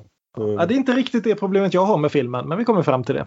Ja. Vi får träffa Ray och Dave här. När de, det första vi ser av dem är att de låtsas vara poliser för att råna en knarkarkvart. Och här ska bara Eh. lite trivia. För knarkaren i fråga, som ju inte är någon stor roll i filmen alls. Men han spelas av Jerry Conlon, vilket jag tyckte var kul. Bara därför att, vem är denna Jerry Conlon då? Jo, han är den faktiska personen som satt i fängelse i onödan misstänkt för att vara, eller rättare sagt dömd för att vara en IRA-terrorist som han inte var. Och som sen spelades av Daniel Ah. Day-Lewis i, i Faderns namn. Det här är den Ah. riktiga Jerry Conlon. Som är knarkaren som de rånar i början. Mm. Vi får också träffa människorna i deras liv, det vill säga Rays flickvän spelad av Lena Headey. Lina Headey, Lena Headey, hur, hur uttalas hon? Jag har alltid sagt Lina Headey, så- men jag vet inte. Cersei Lannister i alla fall. Cersei Lannister, precis. Eh, som som jo jobbar med hemlösa barn och eh, leder demonstrationer till förmån för kurderna. Och vill ha med honom och vi får veta att nej, han tror inte på sånt där längre. Han, han var idealisk en gång men han har släppt det nu. Han var idealistisk en gång men han har släppt det nu.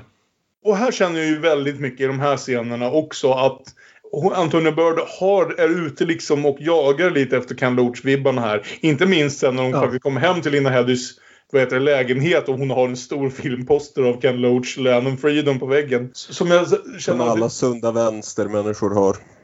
Jävla film alltså. Men, eh, men jag tycker ändå att hela den biten är intressant. Den är lite underspelad men det är skönt att se hur, hur ofta ger en ideologisk bakgrund till en gangsterfilm liksom. Jag har ingen aning om... eh, Det, det, det, jag Nej. uppskattar verkligen de Och- bitarna här. Och det, det del jag lite grann, det är en av de grejerna jag tycker inte funkar fullt ut i den här filmen. Nej. Som till exempel, för, för vi, vi kommer till det om alldeles strax, för vi får ju också veta att Dave har en tonårsdotter som har en lite äldre pojkvän som är alldeles för familjär med sin svärfar. Mm. Och så, som Dave inte alls tycker om. Väldigt Mm. skisig typ. Men eh, han kan inte göra mycket åt det. Och de plockar upp resten av gänget som då består, består av eh, Stevie spelad av Steven Waddington som är snäll men lite långsam. Julian som inte vill heta Julie spelad av Phil Davis som är den här filmens verkliga liksom MVP tycker jag. Han är Ja, helt alltså, han är fantastisk fantastisk. Precis här på gränsen till överspel hela tiden men bara extremt karismatisk. Och Phil Davis är ju Ja. en sån där som har dykt upp i varenda brittisk sak man någonsin har sett känns det som. Ja. Spelade djävulen i det- Being Human. Ja, det gjorde han. Bra casting. Mm. Och också då den fem, femte hjulet, den nyaste killen i gänget. Nämligen Jason spelad av Damon Albarn. Vad i helvete hände här? Ja, alltså han har ju typ fyra repliker i hela filmen så det, Ja, det är ju inte så att det stör dem. direkt. Men det finns inte ens en Blur-låt på soundtracket. Det är där jag blir chockad någonstans. han sitter inte ens och nynnar i baksätet när de kör iväg för att göra det här rånet som de nu ska göra då. Men som sagt, i bilen på vägen till rånet så kör de då förbi den här demonstrationen som eh, Rays flickvän leder. Och någon frågar What's occurred? Well, they're just like us except they're commies. Ray used to be a commie, didn't you Ray? Och det är liksom hela den här grejen med att han tidigare gick på demonstrationer och tidigare trodde på någonting och tidigare kämpade på det lagliga sättet och alltihopa. Mm. Det är en jättebra bakgrund för, för en karaktär. Det är en jättebra bakgrund för den här filmen. Jag tycker bara att det känns för klumpigt dittvålat. Absolut. Det går liksom knappt en scen med, där han interagerar med andra än sina liksom kumpaner utan att någon säger vad hände med dig? Du slutade tro på idealen. Eller där han flashar tillbaka till hans sista demonstration där kravallpolisen kom och slog ner dem och alltihopa. Och det är liksom, ja vi fattar men gör någonting mer av det. Och det är liksom, vi får aldrig riktigt veta vad, vad var det han trodde på exakt. Vad var det han kämpade för? Vad ja. var det som fick övertygade honom om att göra det här etc. Det är liksom, han brukade vara socialist och nu tror han inte på det längre. Det, det, that's it. Det är hela backstoryn här. Och mm. det, det, är synd tycker jag. För liksom en omskrivning till av dialogen så hade det här suttit perfekt. Ja, jag håller med. Ja, det är också 97 i England. Det, det är en bra tid för de frågorna. Labour mm. vinner ja. valet för första gången på evig tid. Mm. Och, och ja, de som ut... Cersei Lannister är inte nöjd med den vändning Labour har tagit. Men hon är ändå glad att Blair vinner valet. Det är så konstigt att sitta och hålla med Cersei Lannister politiskt, men här är jag. Men ja, det ska också sägas att under exakt den här scenen så, så medan de, de sitter, kör igen bilen förbi den här demonstrationen så sitter de och lyssnar på radio på London Calling och ärligt talat förbud för all framtid på att spela London Calling i filmer som utspelar sig i London. Speciellt när resten av soundtracket bara är 90-tal. Eh, Okej, okay, och Billy Bragg också. Och, och, Billy Bragg och eh, ja, vi börjar ju med eh, King of the Mods, Paul Weller, i första scenen. Ja, men det är väl men det är väl 90-tals... att det var 90 ah, ja, det, det, det, är det. Men jag menar, det är inte 90... Det är inte, vad ska vi säga, våldsamt 90-tal på det sättet som allt annan musik i soundtracket är. Jag menar, Paul Weller-låten är i alla fall lite mer tidlös. Mm. Resten av det är så ja. väldigt, väldigt 90-tal. Och, eh, ja, men, men hur, så, hur som helst så kommer vi till det här rånet som de ska be, begå då. Mm. Där de rammar rakt in i en, om det är en bank eller någon form av säkerhets pengauppsamlingskontor eller någonting. De sortera upp pengar för någonting vad det än är. Ja. ja. Så de bryter sig in där med en murbräckelastbil och här, här känner jag igen Antonia Bird från till exempel Ravenous då. Mm. För det här är så jävla snyggt gjort tycker jag. Det här sättet liksom blixtsnabba klippningar, kameraåkningar fram och tillbaka och så plötsligt då när de andra håller på att samla upp pengar och Ray har jobbet att stå och hålla pistolen på gisslan. Så bara saktar hon ner klippningen tills vi bara håller på hans ögon. Och, liksom, och sen klipper tillbaka till de här livrädda arbetarklassmänniskorna som sitter där med en pistol pekad på sig och bara liksom hoppas att inte dö. Och det säger så väldigt mycket mer om honom än vad alla de här klumpiga dialogerna om att han brukade gå på demonstrationer gör. Därför att det här är en människa som känner att han har hamnat på fel sida. Precis. Som vill intala sig själv att han snor från de rika och ger till sig själv som är fattig. Men som mm. i själva verket bara ytterligare en jävla utsugare. Exakt. Ja, även om du rånar banker så är det inte som att du så ofta rånar direkt av bankdirektören utan de som faktiskt landar i skottlinjen är liksom människorna som jobbar nere ja. i banken. Ja, på samma klassnivå som du själv. Ja, det, ja det, det, nej, men det finns något där. Ibland är det verkligen något på... Jag, liksom, det är en film som jagar efter någonting som jag tror skulle kunna blivit riktigt bra. Den liksom bara missar det lite grann. Det är en missad möjlighet känner jag lite grann. Och det är väl lite så jag känner om ganska mycket av filmen. För det är liksom en... Det är ett solitt krimdrama. Jag tycker inte illa om den här filmen. Det är bara det att det är en film som känns det, det, som är misstag känns så jävla uppenbart någonstans. För i grund och botten så det är ju eliten av brittiska jävla skådisar. Jag menar brittiska huvudrollsskådisar blev inte mycket bättre än Robert Carlyle och Ray Winston på 90-talet. Liksom. Så det är ju en solid cast. Det är generellt sett, bortsett från just de här scenerna om att Ray brukade vara liksom socialistisk förkämpe, ganska bra sån här arbetarklassdialog. återigen, någon är ute och jagar lite efter, efter Ken Loach eller Mike Lee kommer kanske inte riktigt hela vägen upp till de höjderna, men ändå. Och samtidigt på något sätt landar i, mitt emellan det och liksom med mer en regelrätt vi rånar banker actionfilm. Ja, Jag, jag tycker ändå om den här filmen. Jag, Jag med. jag, den, den- den har sina fel men jag skulle inte liksom säga att den är misslyckad på något sätt. Den är bara, det finns bara, som du säger, liksom, det finns många ställen där den kunde ha gjort ett lite annorlunda val och blivit så väldigt mycket bättre. Men de, de, i alla fall, de räknar pengarna, kommer fram till att av de väntade två miljonerna så har de bara fått med sig 300 000. 344778 to be exact. Delvis därför att då Julian, eller Julie, You just call me Julie there, and you know I don't like that. No offense intended. None taken. Just don't do it again, okay? slarvade så väldigt mycket. Han ville, ha, han ville ha med sig extra mycket pengar fast tiden var ute och polisen kom och de liksom tappade hälften av pengarna på vägen tillbaka till bilen. Det blir bråk om hur de ska dela upp det. Julian får stryk. Och sen så gömmer de pengarna på diverse ställen hemma hos sig eller hemma hos kompisar och åker till krogen för att fira och springer där ihop med en gammal gangster spelad av Peter Vaughn. nu är vi verkligen inne på Game of Thrones-grejer här. Liksom. Peter Vaughan som vi alltså känner igen som Ma- Master Aemon från Game of Thrones. Jag höll på att säga Game of Thrones alumni, men det här är ju innan. Är prelumni ett ord? Ja, men Game of Thrones är ju för brittiska skådespelare vad Tre Kronor är för svenska skådespelare. Hela gänget har varit med där förr eller senare. Eller ja, oftast vilken, senare. roll hade, vilken roll hade Damon Albarn i Game of Thrones då? Det är antingen Game of Jag sa Thrones... skådespelare. men alltså- Tredje White Walker från vänster. Ja. Som sagt, det är Game of, Game of Thrones eller Doctor Who eller båda två. Det, det, det måste ju vara Venn-diagrammet över brittiska skådisar. Men hur som helst när de vaknar nästa morgon så dyker då Dave upp hemma hos Ray och Connie, flickvännen Cersei. Mm. Och förklarar att han har blivit nedslagen och rånad. De Mm. åker hem till det gamla paret som, de, som eh, Ray och Steven gömde sina pengar hos och de är mördade och pengarna är borta. Och Ja, då måste och- det ju förstås vara Julie som ligger bakom. Och det är intressant där, för någonstans bara så här, kanske med en viss... Kanske framförallt med att jag tänkte tillbaka på Priest och någonstans här, jag blev förvånad över hur mycket handling och hur mycket det här ändå är av en liksom, vad ska jag säga, action thriller någonstans. Jag hade nog väntat mig en lite långsammare, liksom mer karaktärsstudie, mer vad vi fick i i Mike and Nicky om man vill säga så. Och det är inte nödvändigtvis en negativ sak. Jag blev nästan glad över att det var, var så mycket liv i den här filmen och i handlingen att den faktiskt blir regelrätt spännande vid något tillfälle. För hela det här gänget, undantaget Damon Albarn, bra skådisar. Och eh, liksom, man får, de får en bra dynamik i det här. Egentligen är det ju liksom de här fyra snubbarna det handlar om då. Carlisle Winstone, Julie och så han, eh, den lite, killen som är lite efter, vad han nu heter. Steven. Steven.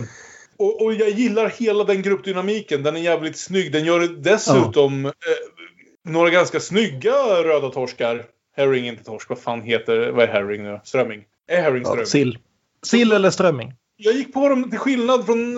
Alltså faktiskt. Jag tycker både de röda sillarna i Mikey och Nicky och i Face eh, funkar helt okej. Jag var inte riktigt helt med på vart vi var på väg hela tiden. Måste jag ändå säga. Ja, Utan- fast här i Face så kommer ju scenen efter att gamlingarna har hittat stöda och genast misstänker de Julie. Men Ray har också det här ögonblicket när han tittar på Dave. Varför hade du pengarna hemma? Mm. Får smala ögon. Och det är eh, där, där, där. var så full, eller vad han säger. Jag var full. Alltid en bra ursäkt. De åker hem till Julie som sitter där med fru och nyfött barn och är familjefar.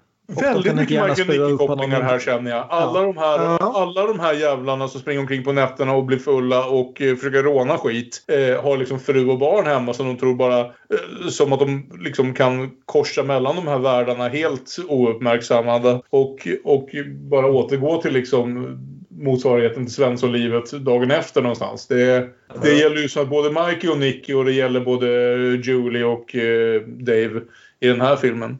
När de kommer och knackar på Julies dörr och eh, frun öppnar. Eh, det är ett av mina favoritögonblick i filmen.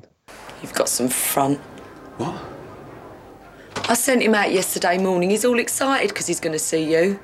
You know what he's like. He's a little boy at heart and he loves you. Then what happens? He comes home all beat up. I mean, how could you do that? Are we talking about the same man here? Hur kunde ni slå honom? Han var så excited när han skulle ut med er igår.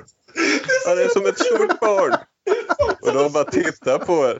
Det är faktiskt en ganska nära koppling ändå med de här. Alltså det är lite mer, det är lite mer Ja. tempo och lite mer fokus på handlingen i Face än i Mike and Nicky. Men det är ju samma typer av snubbar. Snubbar som på något sätt tror sig vara liksom knegarjävlar även fast det de gör som sitt kneg är att stjäla pengar av folk och riskera liksom bli skjutna i huvudet hela tiden. Så, så bara kudos till oss för en snygg, snygg kombo av filmer tycker jag. Bättre än vad, vad de på bion i Philadelphia lyckades med. Men det visar sig i alla fall att Julian inte heller är skyldig för hans pengar är också borta.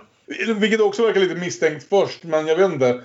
Det tog, tog en stund innan jag slutade misstänka Julian, men sen så tänkte jag också att... Ja. Jo, men det är också man får intrycket att Julian är inte någon som kan förställa sig.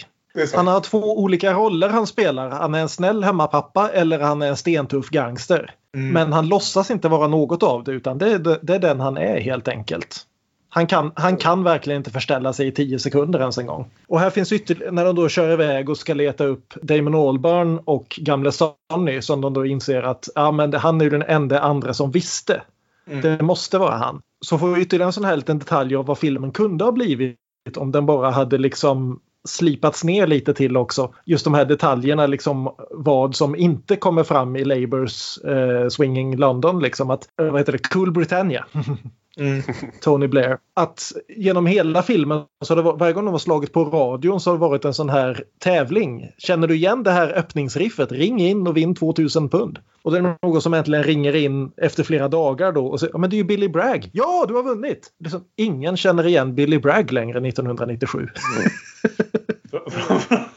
Framförallt inte Julie som sitter och gissar att det är Rod Stewart hela tiden. Det var lite Ja, snygg men Jason, samhällskritik. Mm men Damon Albarn är död. Sonny finns ingenstans att hitta. Och så dyker snuten upp. Och så plötsligt blir det världens jävla eh, pang-pang av det här. Alltså riktig Ja. actionscen som för mig är... Det här jag nog faktiskt ännu mer kände att för mig är helt saboterad av vad fan det än är de spelar över det. Jag tror det hade kunnat vara en riktigt tight, spännande actionscen. Om den inte hade varit drängt i, jag kommer inte ens ihåg vilken låt det är för ärligt talat, men den mest 90-tals dunka-dunka man kan tänka sig. här Men om man bortser från det Martin så är det en snygg nyss. foot chase. Jag, jag gillar det, alltså Ja. det är ju liksom precis. Om den, mm. vet du, Mike and Nicky var inte en film dränkt i musik liksom, utan det var bara musik där när musik faktiskt spelades så att säga. På platserna där de var. Den här filmen hade kunnat tåla att inte ha det här soundtracket känner jag. Alltså det, är, det, är så nära, det är så nära riktigt bra så många gånger. Men vi snackade ju Martin Beck nyss. Och jag satt ju och tänkte liksom i den här scenen som är den här liksom socialrealismen som plötsligt bryter ut i Hollywood action nästan. Jag satt ju bara och väntade på att en polishelikopter plötsligt skulle störta liksom. Det, det, det kändes verkligen som det, liksom den här gigantiska jättebudget actionscenen som kommer från ingenstans i ett slött villaområde. Ja. Jag, jag, förutom soundtracket så gillar jag verkligen det. Liksom att, Mm. ja, den krocken mellan två berättelser här. Ja, och hur som helst. Ray... Äh, inte Ray. Jo, vänta nu. Det är förvirrande Car- att Ray Carlisle Winston heter Ray, heter... men Ray Winston heter Dave. Det är därför jag blir förvirrad på det här. Ray, alltså Ja. Robert Carlyle tar sin flykt till sin flickvän och sin mamma som står och protesterar till kurdernas eh, fördel. Och här har han någon snygg replik till, till uh, Cersei. How bad is it? Well, right now I'm wanted for stealing cars, armed robbery, resisting arrest, and three murders. Murder's the only thing I didn't do. Vilket jag gillar som både liksom erkännande samtidigt som att förklara den prekära situationen. Och hon frågar honom också om han någonsin har mördat någon och han är tyst väldigt länge och sen så medger han att det har han ju inte. Nej. Men man får känslan av att han har det inte men han vet att stannar han kvar i det här så kommer det att hända. Jag gillar verkligen det att det här är inte så mycket, för honom är det inte så mycket en fråga om att stannar jag kvar i det här gamet kanske jag dör utan stannar jag kvar i det här gamet kanske jag måste döda. Exakt. Vilket är lite det är en snyggare koppling tillbaka till liksom hans, vad ska vi säga, eh, socialistiska tänkesätt än, än, än många av de andra. För vi har precis sett honom träffa sin mamma som mer eller mindre skäller ut honom för att inte vara socialist längre. Och det är en scen som är dubbelt så klumpig som den skulle kunna behöva vara. Det, det är ibland som den tar i tar i lite för hårt. Det skulle, liksom, man skulle få en dubbeleffekt med hälften så mycket. Eh, Men å andra sidan är det Ja. inte så de pratar de där människorna. Hur tror du Jeremy Corbyn pratar med sina barn? Han står liksom där och skäller ut sina barnbarn. Liksom. Just because you gave up doesn't mean the rest of us have. Farfar sätter Eh, Det är därför Labour eh, numera är ovalbara igen. Tony Blair gjorde kanske någonting nödvändigt ändå. Jag vill inte, Någon Men han- jag vill inte bli för blev- politisk här, men alla de här jävla länderna vi sitter i utan ett enda vettigt parti eller som går att rösta på. Liksom. Ja. I alla fall så lovar han Conny att, eller han ber Conny att snälla, jag måste dra från London. Stannar jag kvar här dör jag. Snälla, kom med mig. Jag kommer att vänta på dig på bensinmacken på eh, E4 eller vad det nu heter på engelska ikväll. Mm. För det han ska göra innan det är ju det att han har insett vem som faktiskt har pengarna. Precis. Det finns ju bara en kvar som kan ha det. Yes. Och det är ju Dave. Var, jag tycker det är fint. Jag tycker alltså Ray Winston eh, spelar det här ändå lite, lite mindre än vad han brukar göra. Jag menar Ray Winston brukar vara den tuffaste av de tuffa i sådana här filmer i vanliga fall. Och jag gillar att han ändå någonstans... Jag menar han är inte en mes här på något sätt men han får lite den här familjepapparollen någonstans. Nästan den stabila som den sista man skulle tänka sig är den som förrådde dem allihopa. Och därför såklart är det han. If- Ifall man inte har fattat det så inser man det. Kan man sin brittiska tv så inser man ju redan från början när han dyker upp i den här scenen att han är skurken eftersom han har på sig en t-shirt med en Dalek på. Jävlar det har han. What happened to you man? Och det är så konstigt för vi har ju en annan karaktär, nämligen Steven, som är en total sci-fi-nörd. Om någon, Han måste ha lånat Stevens tröja vid något tillfälle någon gång när det var blod på något. Det är ju enda möjligheten här känner jag. Men så när de har spöat upp honom så kommer det då fram att skälet till att han stal alla pengarna och hade ihjäl de här två gamlingarna och Jason och Sonny. För när de letade igenom huset så var det ju Dave som gick in i rummet där han hade lämnat Sonny förstås. Jag gillar så, den, det var ingen den där. detaljen gillar jag Ja. jättemycket. Jag vet inte varför. Det är bara Ja, en är sak som, som knyter en detalj som, så att de inte behövde en hel scen som visar det. Det, det, det tycker Nej, jag var en precis. av mina favoritsmågrejer i den här faktiskt. Och skälet till att han gjorde det var ju att hans dotters skriviga pojkvän visade sig vara civilsnut. Och han, han är den då som har tipsat dem om att råna det här stället och han gjorde det i utbyte mot att bli lovad 500 000 pund. Av de här 300 000 de faktiskt fick med sig. Precis. Så, Så nu ska vi hem och råna tillbaka pengarna från den här snuten. Ja. Ja, det det här gillade jag att konfrontationen med Dave var bara halvvägs i historien. Ja. Ja. Sen ska vi gå vidare. Det, Ja, exakt, det var inte så lätt som han ville, energiskt. han ville sno pengarna. För det hade varit lite otillfredsställande bara därför att Dave verkar ha varit en pålitlig person som de allihopa har känt liksom ganska länge. Så hade historien bara varit slut här hade det varit lite liksom rumphugget. Utan det är ju den här extra dimensionen som för något till det. Och det är så kul att vi nå- någonstans så börjar det här som liksom började någonstans ett socialrealistiskt drama med lite vapen i sig har blivit bara en ren action-thriller där vi går från konfrontation till konfrontation och det har varit så här sju, per, sju scener där personer springer runt och skjuter på varandra vilket ändå är lite ovanligare i brittisk film än i amerikansk film känner jag. Alla poliserna verkar också ha väldigt lätt tillgång till vapen med det här laget men, men, men. Och nu när de kommer till eh, dottern och eh, hennes pojkvän eh, Skumsnut så kommer de in och Dave ser han har gett min dotter knark. Och han ser rött. Så han stryper den jävla polisen. Han bara stryper Ja. han. Ja. Om det är något man inte vill bli i liksom brittisk 90-talsfilm så är det ta mig fan strypt av Ray Winston. Det verkar som det värsta sättet att gå åt. Jo. Det är mycket Och- och- kraft i den mannens armar. Jävla stenhuggare till karl alltså. All, alldeles innan det här, så när han ska, då, då ska få honom att förklara sig, så är det liksom ytterligare en av de här repli, replikskiftena som hade kunnat funka så mycket bättre med bara en omskrivning till. När då polisen förklarar att ja, men det är klart jag stjäl från tjuvarna. Va, hur dum tror du att jag är? Tror du att någon inom polisen är hederlig längre? Det existerar inte längre något sådant som liksom allmän liksom, samhälle. You're a fucking cop. You're a piece of shit. Oh, that's a little naive, Ray, don't you think? Money goes everywhere these days. It doesn't stop at the door of the police station any more than it stops at the door of the hospital or the school. There are no public servants. There is no public service. All there is is money and the people who have it. Vilket känns som en relevant replik 1997 alltså, inte nu för tiden när allting, allt det där har löst sig. Men, eh, men det känns också lite klumpigt. Men så, jag älskar den här strypscenen. Dels därför att hans kumpaner då inte riktigt vet hur de ska hantera det här att han håller på att strypa den enda som vet vart pengarna är. Lite tafatt Eh, utan liksom- klappa honom på axeln. Ja. Äh, kom igen Dave. Det räcker Dave. Och, och, och sen när de då till slut lyckas få av honom så ryter Ray att liksom, men för helvete liksom genom mun mot mun. Och Julie liksom petar lite, kan, kan jag inte bara få igenom hjärtmassage och peta lite grann på honom med två fingrar. Äh, han är död.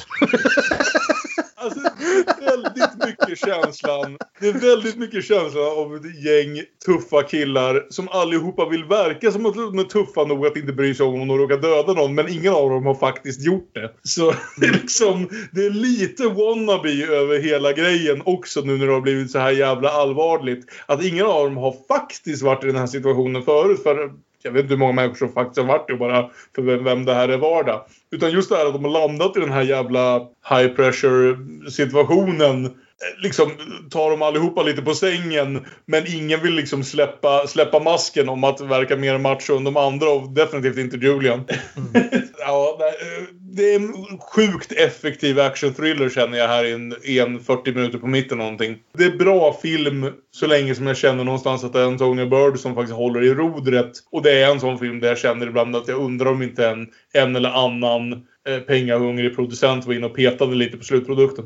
Men så ska vi då till polisstationen och hämta pengarna för det är ju där de är. Men först så ska då naturligtvis Ray prata ut med Dave. Jo. Om att han faktiskt mör- mördade två gamla vänner till honom. Och det Ja, kan ju bara sluta på ett annat sätt. Ja. I've had people pull every kind of stroke, but this is. This. You're an old star face, Dave. How could you do something like this? I mean it to happen, No, neither did I.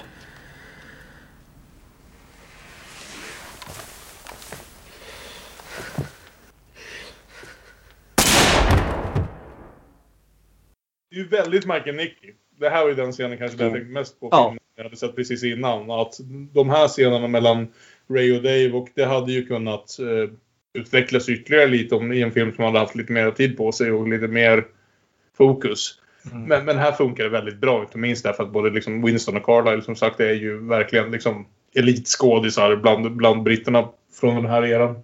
Men också vad jag gillar är att, eh, ja du säger det kunde utvecklas, men jag gillar hur snabb filmen accelererar här. Dave bara stryper polisen. Ray bara skjuter Dave. Och sen, ja, Nej men jag håller med. Alltså, med, nu är allting helt off the rails bara. Nu, nu är det väl här two crazy nights då istället för one crazy night som vi pratade om i Mike and Nicky. Men visst, det är, även här det är inte något epos där vi liksom följer de här människorna i månader eller år. Utan allt det här är ju, vadå, 48 timmar? Kanske Som går snabbare och snabbare. Ja. ja. Rusar in Jo. mot en tegelvägg. Mhm. Och, och återigen att Antonia Bird vet hela tiden när hon ska, liksom, hur hon ska hålla det här tempot uppe. Liksom, vi har de här väldigt lugna scenerna som den här mellan Ray och Dave då, som är väldigt spänd men också väldigt stilla. Där de, Mm. bägge två vet att det, det finns bara ett sätt den här scenen slutar och det är att ja, du blir av med din oskuld och dödar din bästa vän. Och det är också ganska spännande här att just Och, här... och då klippt med, med, med de här scenerna som kommer både före och efter som är extremt våldsamma och snabba klipp och Mm. liksom eh, skakig kamera och alltihopa. Och just den här liksom av, det här liksom utandningen, inandningen, utandningen, inandningen hela tiden i filmen. Det är enormt snyggt gjort tycker jag. Och det är också trots att det är en sån här, vad ska vi säga, återigen liksom tempot uppe här ganska högt och så här att både Winston och Carlisle är ändå lite mer nedtonade än vad man kanske är van vid att se dem. Inte minst hela den publiken som precis hade lärt känna Carlisle som Begbie liksom. Att han är ju, han, han filmen centrerar, eller liksom håller ju honom som liksom det fasta centret. Och han är ganska lugn. Han är ju den som inte har några stora emotionella utspel utan försöker spela det hela liksom lite mer inombords. Vi lämnar de stora, de stora skådespelarvalen till, till, till Julie. Som ju är liksom... Armed robbery! How the fucking it be armed robbery with a fucking replica? Good Och Julie får ju en chans att Julie får ju en chans att skina här då, Phil Davis, för de ska ju ta sig in på polisstationen och det gör de ju då genom att hävda att de har gjort en citizens arrest på Julie som är en blottare. Och polisen blinkar in. Ja, det är klart han är blottare. Varför fan, det ser man ju på honom, liksom ta in honom. Och Julie blir skitförbannad för att han köper det här och slår ner honom direkt. Vi skulle fråga Hur var vågar du gå på skåpen vår var. bluff? Det är något Ja. väldigt brittiskt i de här liksom snabba hoppen mellan totalt mörker och, liksom, och som den typen av komedi som jag, jag uppskattar extremt mycket. När den här filmen är bra är den riktigt, riktigt bra. Den har en bra svit här. För nu när de är på stationen och ska leta de här skåpen som vakten inte kunde visa för dem så det blir ju farsartat. Hur de kryper runt, öppnar dörrar. Nej, inte där, inte där. Vi måste gå snabbt förbi dörren, gå under fönstret där poliserna sitter och fikar. Roligt. Kul med humor tycker jag. Och när då Steven äntligen hittar skåpet med pengarna i så dröjer det inte tio sekunder förrän Julie bestämmer sig för att nej, det här är mina pengar. Halar upp hagelbössan och knuffar in dem tillsammans med en polis i omklädningsrummet igen och ska låsa in dem där men polisen trycker på larmet och nu blir det fullständigt kaos. För nu blir det här fan, det här blir ju rena det här är ju assault on precinct inte, det är 13. inte alltså. längre köper ens liksom, filmens logik. Inte ens Julie tror jag är så korkad att försöka göra det där just där. Liksom, vänta två minuter och kör utanför på gatan och inte mitt inne i. Ja. Men skitsamma, man behöver det där för avslutningen. De har byggt upp Julie till att inte direkt vara liksom den smartaste personen i gruppen. Så visst, jag kan köpa det. Det bara till jävla tio Julie. Jag, jag brukar inte vara den av oss som kommer med tv-spelsreferenser här. Nej. Men det här är ju i princip, det här är i princip dag två av Postal 2, rakt av. Där, där du ganska lugnt kan smyga dig in i polisstationen men så fort du har hittat det du kommer efter då kommer alla poliser i hela jävla liksom, länet att dyka upp och skjuta skarpt på dig. Och det är precis det som händer här. Men samtidigt gillar jag då liksom just det här brittiska att Ray och Steven som då har blivit skjuten i benet under alltihopa lyckas bluffa sig ut bara genom att Ray säger att han är civilare. Och då hjälper poliserna honom att komma ut. Jo, men är eh, polisen som släppte in dem känner igen honom. Ja, ja, jag, jag känner honom. Det är en väldigt Åh, brittisk jag trodde han bara var en blottare. Stor humor. Uh, Oh, we too man. Och sen så kommer vi till det här slutet som jag... Man kan tycka det är lite av en cop-out. Lite av liksom pålagt lyckligt slut. Jag väljer att se det lite mer mörkt tror jag. För ja, det, vi kommer tillbaka till det som var tidigare. Han hade kommit överens med Cersei om att möta henne på, på bensinmacken vid den och den tiden. Och hon verkar inte vara där och han springer runt och blir lite desperat. Men sen så är hon ändå där och de åker iväg mot vad de då tror sig vara. Alltså det går att läsa den sista scenen på två olika sätt. Antingen att det här kommer att ordna sig, men jag tror inte att ens de tror att det kommer att ordna sig. Nej. Hans sista Nej, men- men det- mantra är väl It's gonna be alright, it's gonna be alright. Men nej, kanske inte. Tveksamt. Steven ligger och blöder ut. Steven har precis pratat om att han plaskar runt i sin sko därför att den är så fylld med blod. Så jag gissar att Steven är ganska körd. Jag gissar rent Men det- generellt. Men det är ju också lite payoff på hela den här grejen med solidaritetens död som har löpt genom hela. Att han går där liksom och när han går på den här tomma parkeringsplatsen och inser att inte bara inte Cersei där utan Steven har också försvunnit. Och just då dyker en polisbil. Det, det är väldigt snygg scen på så vis om man inte är väldigt trött på de här flashbacksen han har hela tiden. Jag hatar det här Ja, med också väldigt 90-tals-tv att byta färgen på flashbacksen. Jo. Och... Men just det här att just när han liksom flashar tillbaka återigen till den här demonstrationen där han tappade tron på allting. Och liksom just det här att nej, det är var och en för sig själv och den lilla killen har ingen chans. Just då så öppnar då Cersei bi- bildörren på en bil längre fram och säger ja men där är du ju älskling till poliserna så att de hör och kör vidare. Och det, är liksom, det finns ändå några som tror på dig fortfarande. Det knyter i alla fall ihop den grejen. Jag säger inte att allt, allt med den eh, liksom subhandlingen funkar. Men den, den kommer åtminstone till full...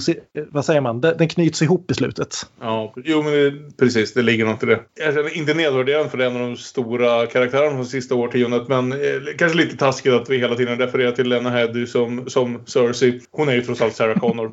Ja. Sant. Men hon får ju inte så mycket att jobba med i den här filmen ärligt talat. Nej! Så, Nej. och jag tycker inte deras förhållande är särskilt bra vilket the emotional impact då på slutet är ju lite försvunnit redan där. Nej, trots att jag gillar Carlisle väldigt mycket och jag känner att jag hade kunnat liksom gripas av hela hans backstory så här så är han någonstans ändå den minst engagerande i hela sitt eget gäng. Och det är inte hans fel utan det är ett manusproblem skulle jag vilja påstå. Att jag bryr mig mer tror jag om i stort sett alla andra i det här gänget förutom Damon Albarn. Manus till den här kan vi ju säga förresten är skriven av Ronan Bennett. Okej. Eh, irländsk författare som har haft lite IRA-kopplingar också och eh, kanske annars är mest känd för att ha skrivit Public Enemies. Ah, okej. Med Johnny Depp? Ja. Ja. Så, jag- om, om vi gissar vem som fick in Jerry Conlon i det hela då. ja, nej men alltså det här är en fullkomligt duglig brittisk krimthriller som är bara några liksom vad heter det, artistiska val iväg från att vara en riktigt bra film. Några 90-talismer som är ganska smärtsamma att se. Ja, jag tycker vi gått igenom ganska väl vad som funkar och vad som inte funkar. Så om vi tar den här gamla frågan då. Vad, vad gör en kvinnlig regissör för det här? För ärligt talat, för att vara en kvinnlig regissör så ingen av de här tre stora, jag kommer inte ihåg Mad Love. Ingen av de här tre stora Antonio Bird-filmerna är ju särskilt fokuserade på kvinnor, vilket de inte alls behöver vara, utan snarare ge ett annat perspektiv på manlighet. Och för mig här med, med just det här så är det väl det här att Ray, alltså Robert Carlyle, inte alls faller in i någon slags tuffing-stereotyp utan snarare sagt har varit en person som väldigt mycket rent liksom ideologiskt brytt sig om andra människor för att tappa det och nästan liksom mot sin egen vilja falla in i att försöka tjäna för sig själv. Men utan att falla in i, försöka falla in i machoidealen. Han, han har en pondus i den här filmen men det är ju inte som sagt det är nästan att man skulle kunna sätta den här karaktären i direkt kontrast till Begbie. Alltså, som sagt, jag tycker det är intressant med bägge de här två filmerna som liksom är kvinnliga regissörers synvinkel. Eller ja, den här är ju skriven av en man men ändå liksom är kvinnliga regissörers synvinkel på just machomyten. Mm. Jag älskar liksom, till exempel det här med Julies hemmaliv, att han är världens liksom, snällaste hemmapappa. Ja, men precis. också en tuff gangster. Och samma sak som liksom det här ganska ömma förhållandet mellan Mikey och hans fru. Liksom, att, och det här sättet bägge de här två filmerna liksom tar ett gäng grabbar som ser riktigt tuffa och stenhårda ut och sen liksom verkligen gör dem sårbara och liksom visar låter dem tappa en jävla massa liksom utanpåverk. Det var en intressant vecka. Det var en bra dubbel. Jag känner att de talade till varandra bättre än vad vi har lyckats med ibland. Ganska ofta för att vi ibland gör dubblar utan att ha sett filmerna i förväg. Och jag var... Jag, jag var alltså Michael Nicky är en genuin pärla för mig. Face är en intressant, en intressant film som sagt som är en, på god väg att vara, vara en riktigt bra film men inte nå hela vägen fram på grund av lite, lite klantigheter nästan känns som. Både på manusplanet och på redigeringsplanet. Hur tycker du Björn verkade ha sett flera andra Antonio Bird-filmer? Jag har sett de två andra stora också, alltså Priest och, Priest och Ravenous. Ja. Och Rav, Rav, Priest tycker jag är en riktigt bra film. Ravenous är en film som jag älskar och jag har aldrig riktigt kunnat bedöma huruvida det är en film som... eh, Om det är på grund av att det faktiskt är en bra film eller om det är för att den är så jävla konstig. Nej, men jag passade på att se om den den här veckan också och jag, jag tycker den håller något så fantastiskt bra. Det är, på, på sätt och vis är det egentligen 90-talsversionen av First Cow. Det är liksom de här nybyggarna som stöter på någon form av hemsk sak som de kan, men också hoppfull sak ute i skogen i det obebyggda Kalifornien Mm. och nu kan välja hur de ska använda det här och vilket samhälle de vill bygga. Bägge Också- två filmerna handlar väldigt mycket liksom om Manifest Destiny och med, med civilisationens spridning och exakt vad civilisationen innebär. Men framförallt så tycker jag att den funkar så väl därför att det är en så sinnessjuk mashup av genrer. Det är, Ja, liksom, det är en skräckfilm, det är en westernfilm, det är en homoerotisk eh, kamratskapsfilm, det är en komedi, det är allt det där samtidigt. Och på något vis får hon det att funka, inte trots alla de där krockarna utan tack vare dem. Ja, exakt.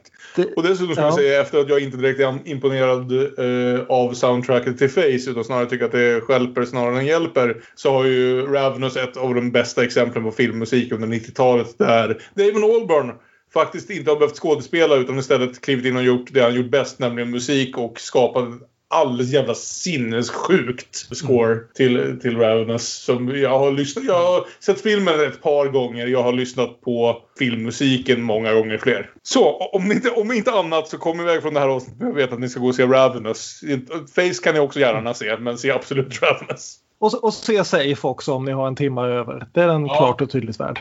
Och där har vi ju som sagt ännu mer Game of Thrones med eh, Aiden Gillen då. Men ja, vart eh, lämnar det oss här nu då? Men det låter, jag bara gissar nu, men det lät som att vi allihopa ändå kände att Mike Nicke var den starkare filmen. Ja, nej men Ja. Mike, Mike Nicke tycker jag var en fantastisk film. Och jag inser att jag måste se de andra två filmerna nu som... Hon har ju bara, tyvärr bara gjort fyra filmer, men de andra två har jag ju kvar att se och de vill jag se snart. Är det så att Elaine Mays andra filmer är komedier? Alla tre? Ja. Det är någonting när eh, de här komedimänniskorna går ner i mörkret så, så träffar de rätt. Eh, Ja, nej, men- nej, men jag, jag. Mike Nicke har ju på- sådana väldigt, väldigt komiska ögonblick också. Absolut. Jo, precis. Mm. Ja, nej men eh, vad sjutton. Med det sagt om det så går vi väl vidare och ställer frågan vilken film skulle ni vilja para ihop med de här två?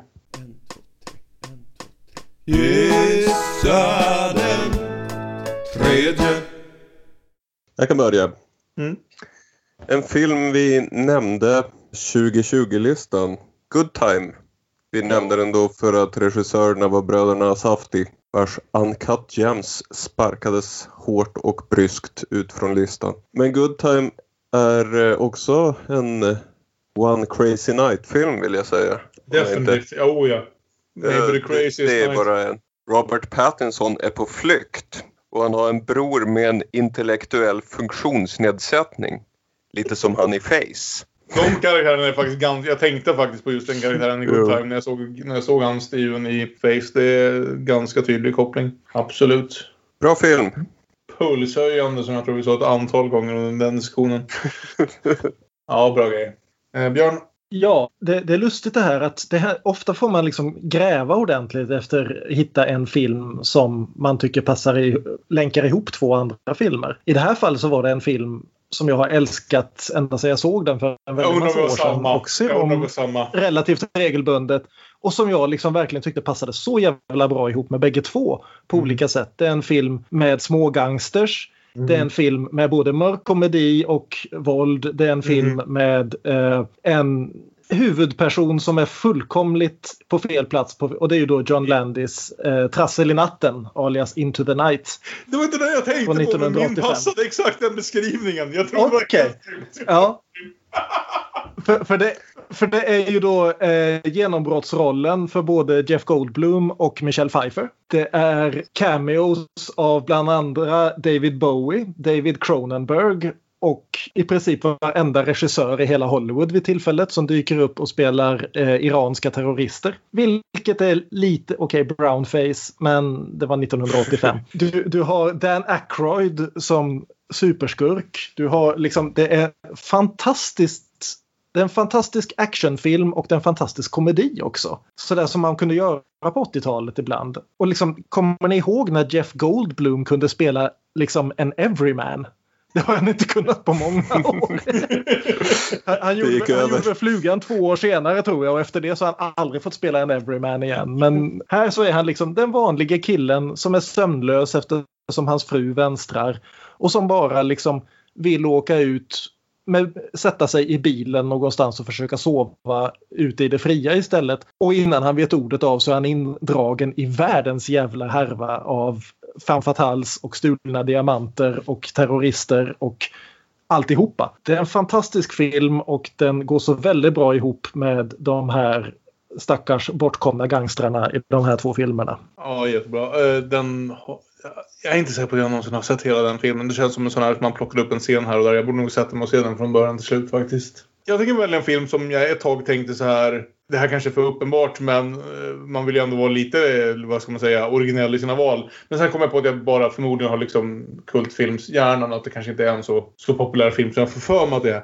Men just där om man vill koppla amerikanska gangsters till brittiska gangsters. Och dessutom ha en gangsterfilm som någonstans bryr sig mer om, om det inre mentala livet än det yttre gangsterlivet. Så tänkte jag väl säga att det är hög tid att gå tillbaka och titta på Steven Soderberghs The Limey. Där Terrence Ah. Stamp är en, en brittisk gangster som kommer till Los Angeles för att leta efter efter vem som än har dödat hans dotter. Och han går igenom amerikanska mafiosos eh, som istället bor i Hollywood. I en variant av liksom revenge-genren eh, som vi ju alla har sett ett antal exempel på. Men, men som med ett klart fokus på karaktär över action och konstig quirky komedi utan att tappa dramat dit. Och kanske bäst tror jag beskrivet av scenen där vi äntligen, för, för den här huvudkaraktären Wilson som spelas av Terrence Stamp i en av hans absolut bästa roller får till slut, ungefär halvvägs genom filmen, chansen att beskriva vem han är i en monolog. Där han går in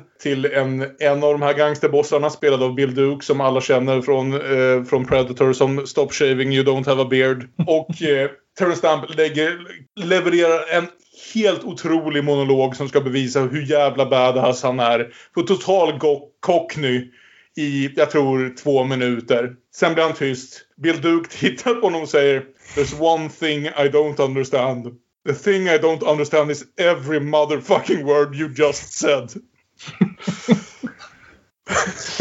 och hela liksom, det är en sån, det, det, det är en film som har en sån konstig balans mellan att vara en nästan actionfri gangsterthriller, precis som Mike och Nicky. Eh, som har komedi och drama och Storbritannien som möter, som möter Hollywood någonstans i, i, inom den här gangstervärlden. Och äh, jag, jag tycker det är en liten pärla, det måste jag säga. När du började prata om smågangsters och USA möter England så var jag övertygad om att du skulle säga Night and the City. Joel Stasin-filmen eh, från 1950. Det är en En av mina älsklingsfilmer. Det är en ännu bättre film ska jag ärligt säga. Jag av någon anledning tänkte lite mer i de tidserorna där vi be- befann oss redan nu. Men jo, Night and the City är en, det är en jävla guldfilm. Den måste vi komma fram till. Ja, jag tänkte när du satt där med motiveringen. Fan varför kom inte jag på den? Jag lär ha dubbelbullat den med någonting förra året. Men, det, men eh, det vore både, konstigt om jag inte gjorde det. både Aron och jag rekommenderar i alla fall Night and the City också. Jävlar vilken rulle. Ja, det för oss väl fram till slutet av det här avsnittet om smågangsters och vad de höll på med på 70 och 90-talet. Eh, Det ska väl bli lite musik sådär som det brukar bli även denna vecka och det får någon annan prata om. Cruel World av Lana Del Rey. Lite galenskap, lite sprit och knark, lite spruckna förhållanden, lite religion. Lite pistoler. Lite pickadoller. Inte att förglömma. Och ja, en varning är på sin plats. Jag utgår från att alla våra lyssnare är lite paranoida. Polissirenen ni kommer att höra snart är en så kallad sampling som jag har gjort. Det, det är inte snuten som kommer att ta er. Sov gott. Och nästa gång kan ni komma tillbaka och höra när vi pratar om två filmer om, vad ska vi säga, barn i lite svårare situationer. För vi tänkte passa på nu när Nadine Labakis Kapernaum ligger på SVT Play. Den ligger där till sista januari. Så ni borde höra i alla fall det här, om inte avsnittet i sig, innan dess. Och då kan ni ju förbereda er genom att se den på SVT Play helt gratis. Annars finns den även på Cineasterna. Och vi kommer koppla eh, Kapernaum till Cleo Barnards The Selfish Giant. Och eh, se vad vi kan få ut av det. Jag har inte sett någon av dem tidigare. Björn har antytt att i alla fall Selfish Giant är en väldigt bra film. Så jag tror att det kan bli en spännande diskussion. Och ja, som alltid, vi finns i de sociala medierna om ni vill få kontakt med oss. Vi är at Damonpodden på Twitter och på Instagram. Vi är Damonpodden med Ä på Facebook. Man får mejla damonpodden.gmail.com om man så vill. Det vore jättetrevligt. Och ja, som alltid, tack till mina kära vänner och och vad, heter det? Bi- värdar med mig. värdar med mig. Vi mot världen. Kovärdar. Trovärda. Kovärdar. Säkert. Kallas för nu. Ja. First cow, second cow. First cow, second cow, third cow. Vem vill, vem vill ha tredje ko? Eh, tack för att ni ville vara med och här med oss den här veckan. Ha det så bra tills vidare så hörs vi snart igen. Hej då. Hej då. Share my body and my mind with you. That's way